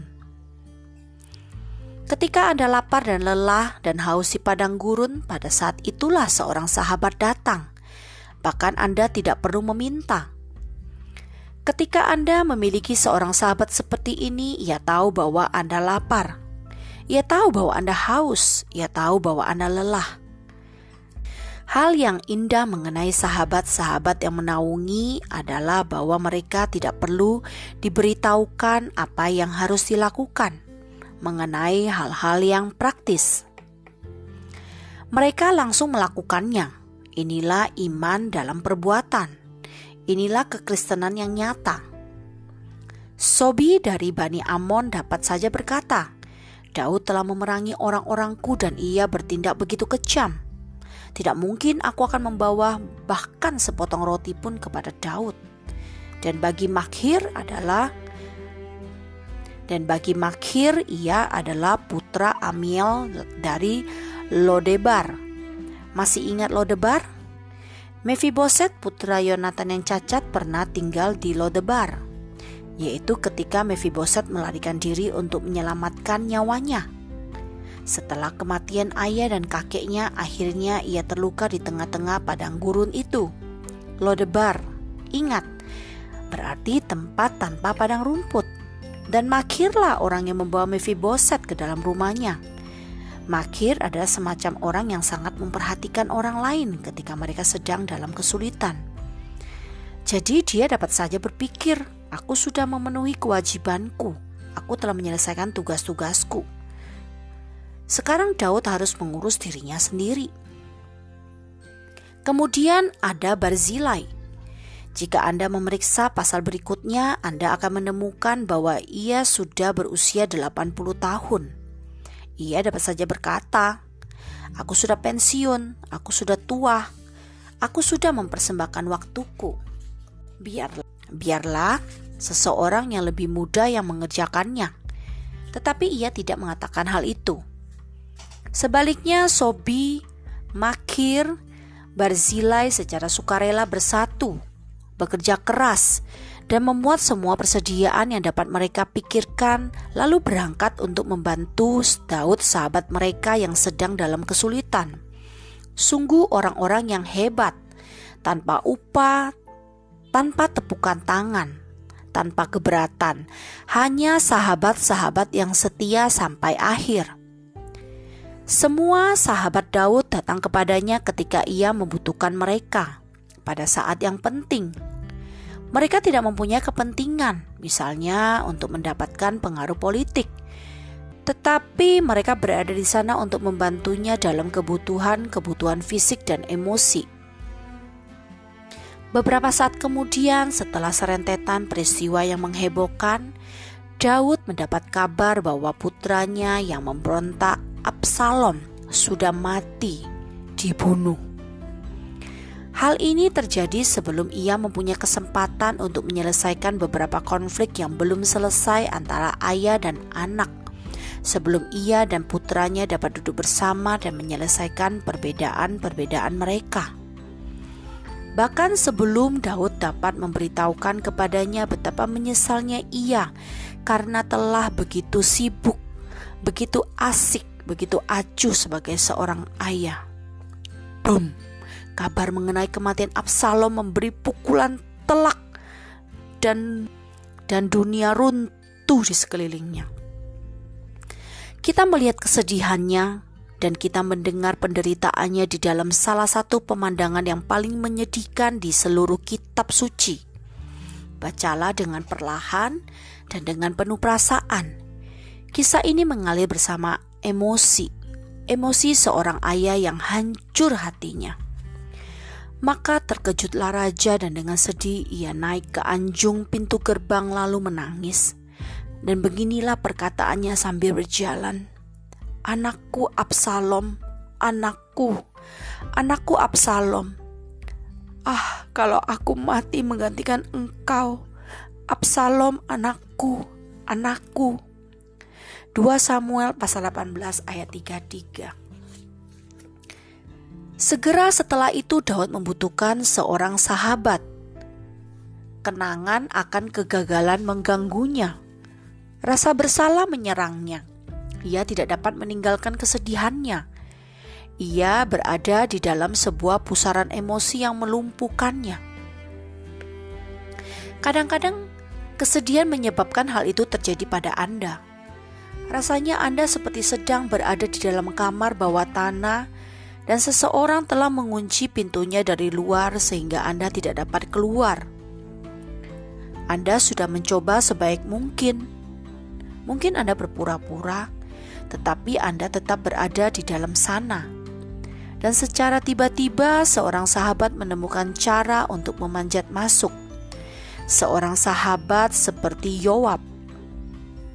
Lalu diberitahukanlah kepada Yoab, "Ketahuilah raja menangis dan berkabung karena Absalom." Pada hari itulah kemenangan menjadi perkabungan bagi seluruh tentara, sebab pada hari itu tentara itu mendengar orang berkata, "Raja bersusah hati karena anaknya." 2 Samuel pasal 19 ayat 1 dan 2. Orang-orang menyaksikan kematian Absalom sebagai pelepasan dari Allah, Allah yang menangani Absalom.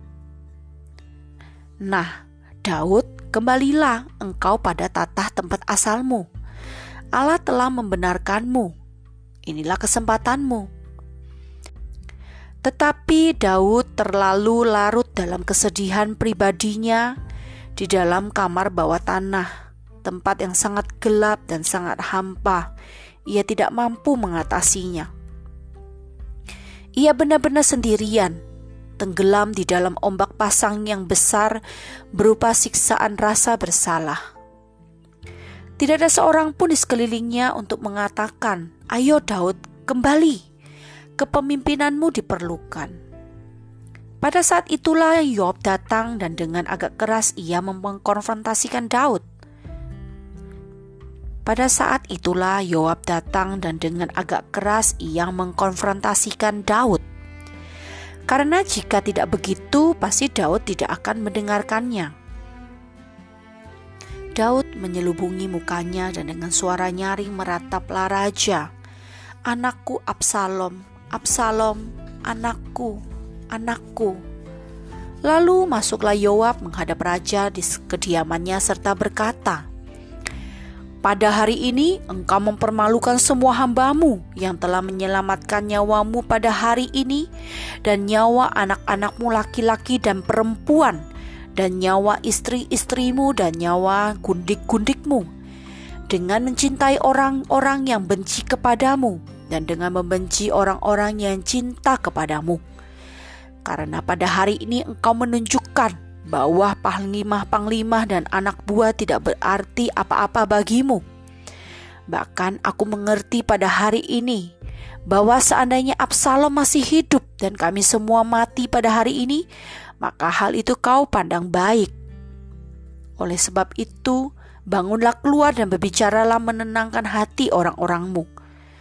Sebab aku bersumpah demi Tuhan, apabila engkau tidak keluar, maka seorang pun tidak akan ada yang tinggal bersama-sama dengan engkau pada malam ini. Dan hal ini berarti celaka bagimu melebihi segala celaka yang telah kau alami sejak kecilmu sampai sekarang. 2 Samuel pasal 19 ayat 4 sampai 7. Apakah yang sedang diperbuatnya? Ia telah menjadi seorang sahabat sejati. Ia sedang membicarakan kebenaran di dalam kasih. Ayo Daud, bangunlah. Engkau harus meninggalkan kesedihan ini. Ada orang-orang di luar sana yang telah mempertaruhkan nyawa mereka untuk setia kepadamu. Mereka telah mempercayaimu dan membelamu. Engkau sudah lama memulihkan tenagamu, Daud. Mungkin hatimu hancur, tetapi engkau tetap raja Israel dan ada pekerjaan yang harus diselesaikan. Yoab adalah seorang sahabat bagi Daud. Ia cukup peduli untuk mengkonfrontasikannya ia cukup peduli untuk memberitahukan kebenaran kepadanya dan menghindarkannya dari tindakan menumpuk kehancuran yang sudah terjadi dengan melakukan sebuah kesalahan yang bahkan lebih besar. Di sini kita harus menyerahkan keputusannya kepada Daud. Ternyata walaupun dicengkram kesedihan, ia mendengarkan dan ia menerima nasihat sahabatnya. Lalu bangunlah raja dan duduk di pintu gerbang, maka diberitahukanlah kepada seluruh rakyat demikian. Ketahuilah, raja duduk di pintu gerbang. Kemudian datanglah seluruh rakyat itu menghadap raja. 2 Samuel pasal 19 ayat 8. Pintu gerbang merupakan tempat yang dituju raja atau para pemimpin untuk memberikan pengumuman, mengadili, menasihati dan bertemu dengan rakyat. Maka maka ketika Daud pergi ke gerbang, rakyat mengetahui bahwa ia sudah kembali pada kepemimpinan. Persahabatan Yoab yang menaungi, seperti semua orang lain yang telah melayaninya sebelumnya, telah membantu mengangkat Daud ketika ia terperosok.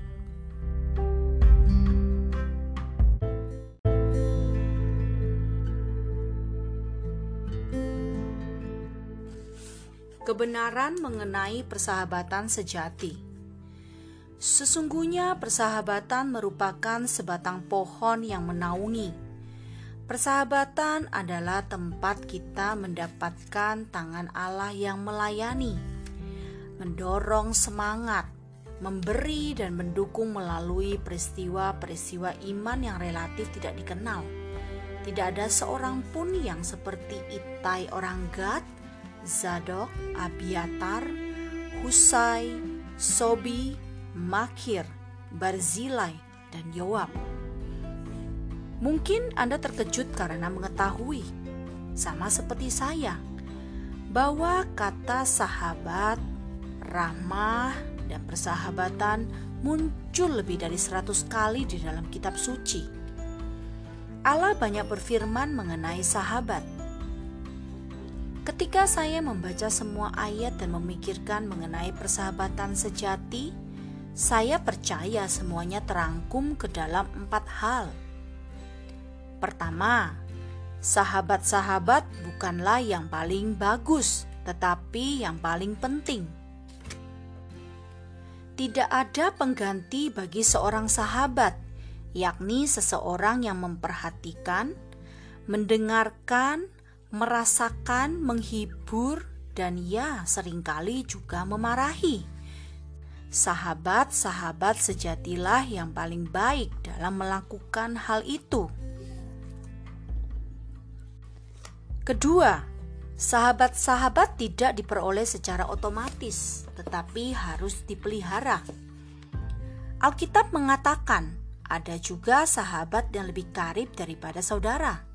Amsal 18 ayat 24.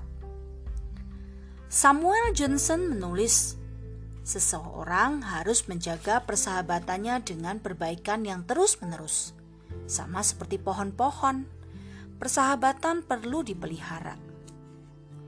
Ketiga, sahabat-sahabat tidaklah bersifat netral, tetapi justru mempengaruhi kehidupan kita.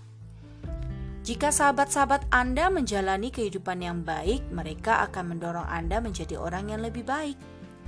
Jika sahabat-sahabat Anda menjalani kehidupan yang jelek, mereka akan memimpin Anda menuruni jalan yang sama, atau bahkan jalan yang lebih buruk. Kitab suci berkata, "Janganlah kamu sesat, Pergaulan yang buruk merusak kebiasaan yang baik. 1 Korintus pasal 15 ayat 33. Jadi pilihlah sahabat-sahabat Anda dengan berhati-hati dan berhikmat. Seringkali para penggosip berkumpul dengan para penggosip, para pemberontak bersama dengan para pemberontak. Anda ingin berhikmat? Pilihlah sahabat-sahabat yang berhikmat. Keempat, Persahabatan datang dalam jenjang yang bervariasi. Beberapa persahabatan memainkan peran yang lebih penting di dalam kehidupan kita dibandingkan yang lain. Kita memiliki banyak kenalan, beberapa orang sahabat biasa, beberapa sahabat dekat, dan beberapa sahabat karib. Kenalan adalah orang-orang yang dengan mereka kita memiliki hubungan yang tidak teratur dan interaksi yang dangkal. Dengan kenalan kita hanya meluncur di atas permukaan. Apa kabar? Baik, baik, bagus. Sebenarnya keadaanku tidak baik, tetapi aku tidak dapat memberitahukanmu karena engkau hanyalah seorang kenalan. Sahabat biasa adalah orang-orang yang dengan mereka kita lebih banyak berhubungan, yang dengan mereka kita memiliki banyak persamaan, dan yang dengan mereka kita memilih lebih banyak percakapan yang terperinci. Bahkan suatu ketika kita akan minta pendapat dari seseorang yang adalah mungkin sahabat biasa walaupun masih ada jarak yang aman di antara kita. Sahabat dekat adalah orang-orang yang dengan mereka kita membagi tujuan hidup yang sama. Yang dengan mereka kita mendiskusikan masalah-masalah yang sulit kita mengerjakan proyek bersama-sama, berolahraga bersama-sama, bergaul bersama-sama, dan bahkan berlibur bersama-sama. Sahabat karib adalah hanya beberapa orang yang dengan mereka kita memiliki hubungan yang teratur dan komitmen yang mendalam. Kita tidak hanya terbuka dan lengah terhadap orang-orang ini, tapi kita juga menanti nasihat mereka dengan tidak sabar. Sahabat karib bebas untuk mengkritik dan mengoreksi, dan juga bebas untuk memeluk dan mendorong semangat, karena kepercayaan dan kebersamaan telah dibangun di antara mereka. Semua tingkat persahabatan ini penting, tetapi yang terpenting tentu saja adalah persahabatan tingkat terakhir. Mereka yang tidak memiliki sahabat karib pastilah orang yang paling kesepian di dunia. Semua kita paling sedikit membutuhkan seorang yang dengannya kita dapat terbuka dan jujur. Semua kita paling sedikit membutuhkan seorang yang menawarkan kepada kita naungan berupa dukungan dan dorongan semangat dan ya, bahkan juga kenyataan yang sulit dan konfrontasi. Semuanya adalah pohon yang menaungi. Syukurlah Daud memiliki sejumlah pohon-pohon tersebut. Sebagai hasilnya, ia berhasil melewati hari-hari terberat dan jam-jam tersunyi di dalam kehidupannya. Apakah Anda juga memilikinya? Jika ya, ini adalah saat yang baik untuk memanggil mereka dan menikmati naungan mereka. Jika tidak, inilah saat yang baik untuk mengambil sekop dan menanam beberapa pohon. Anda tidak akan pernah menyesalinya. Tanya saja kepada Daud.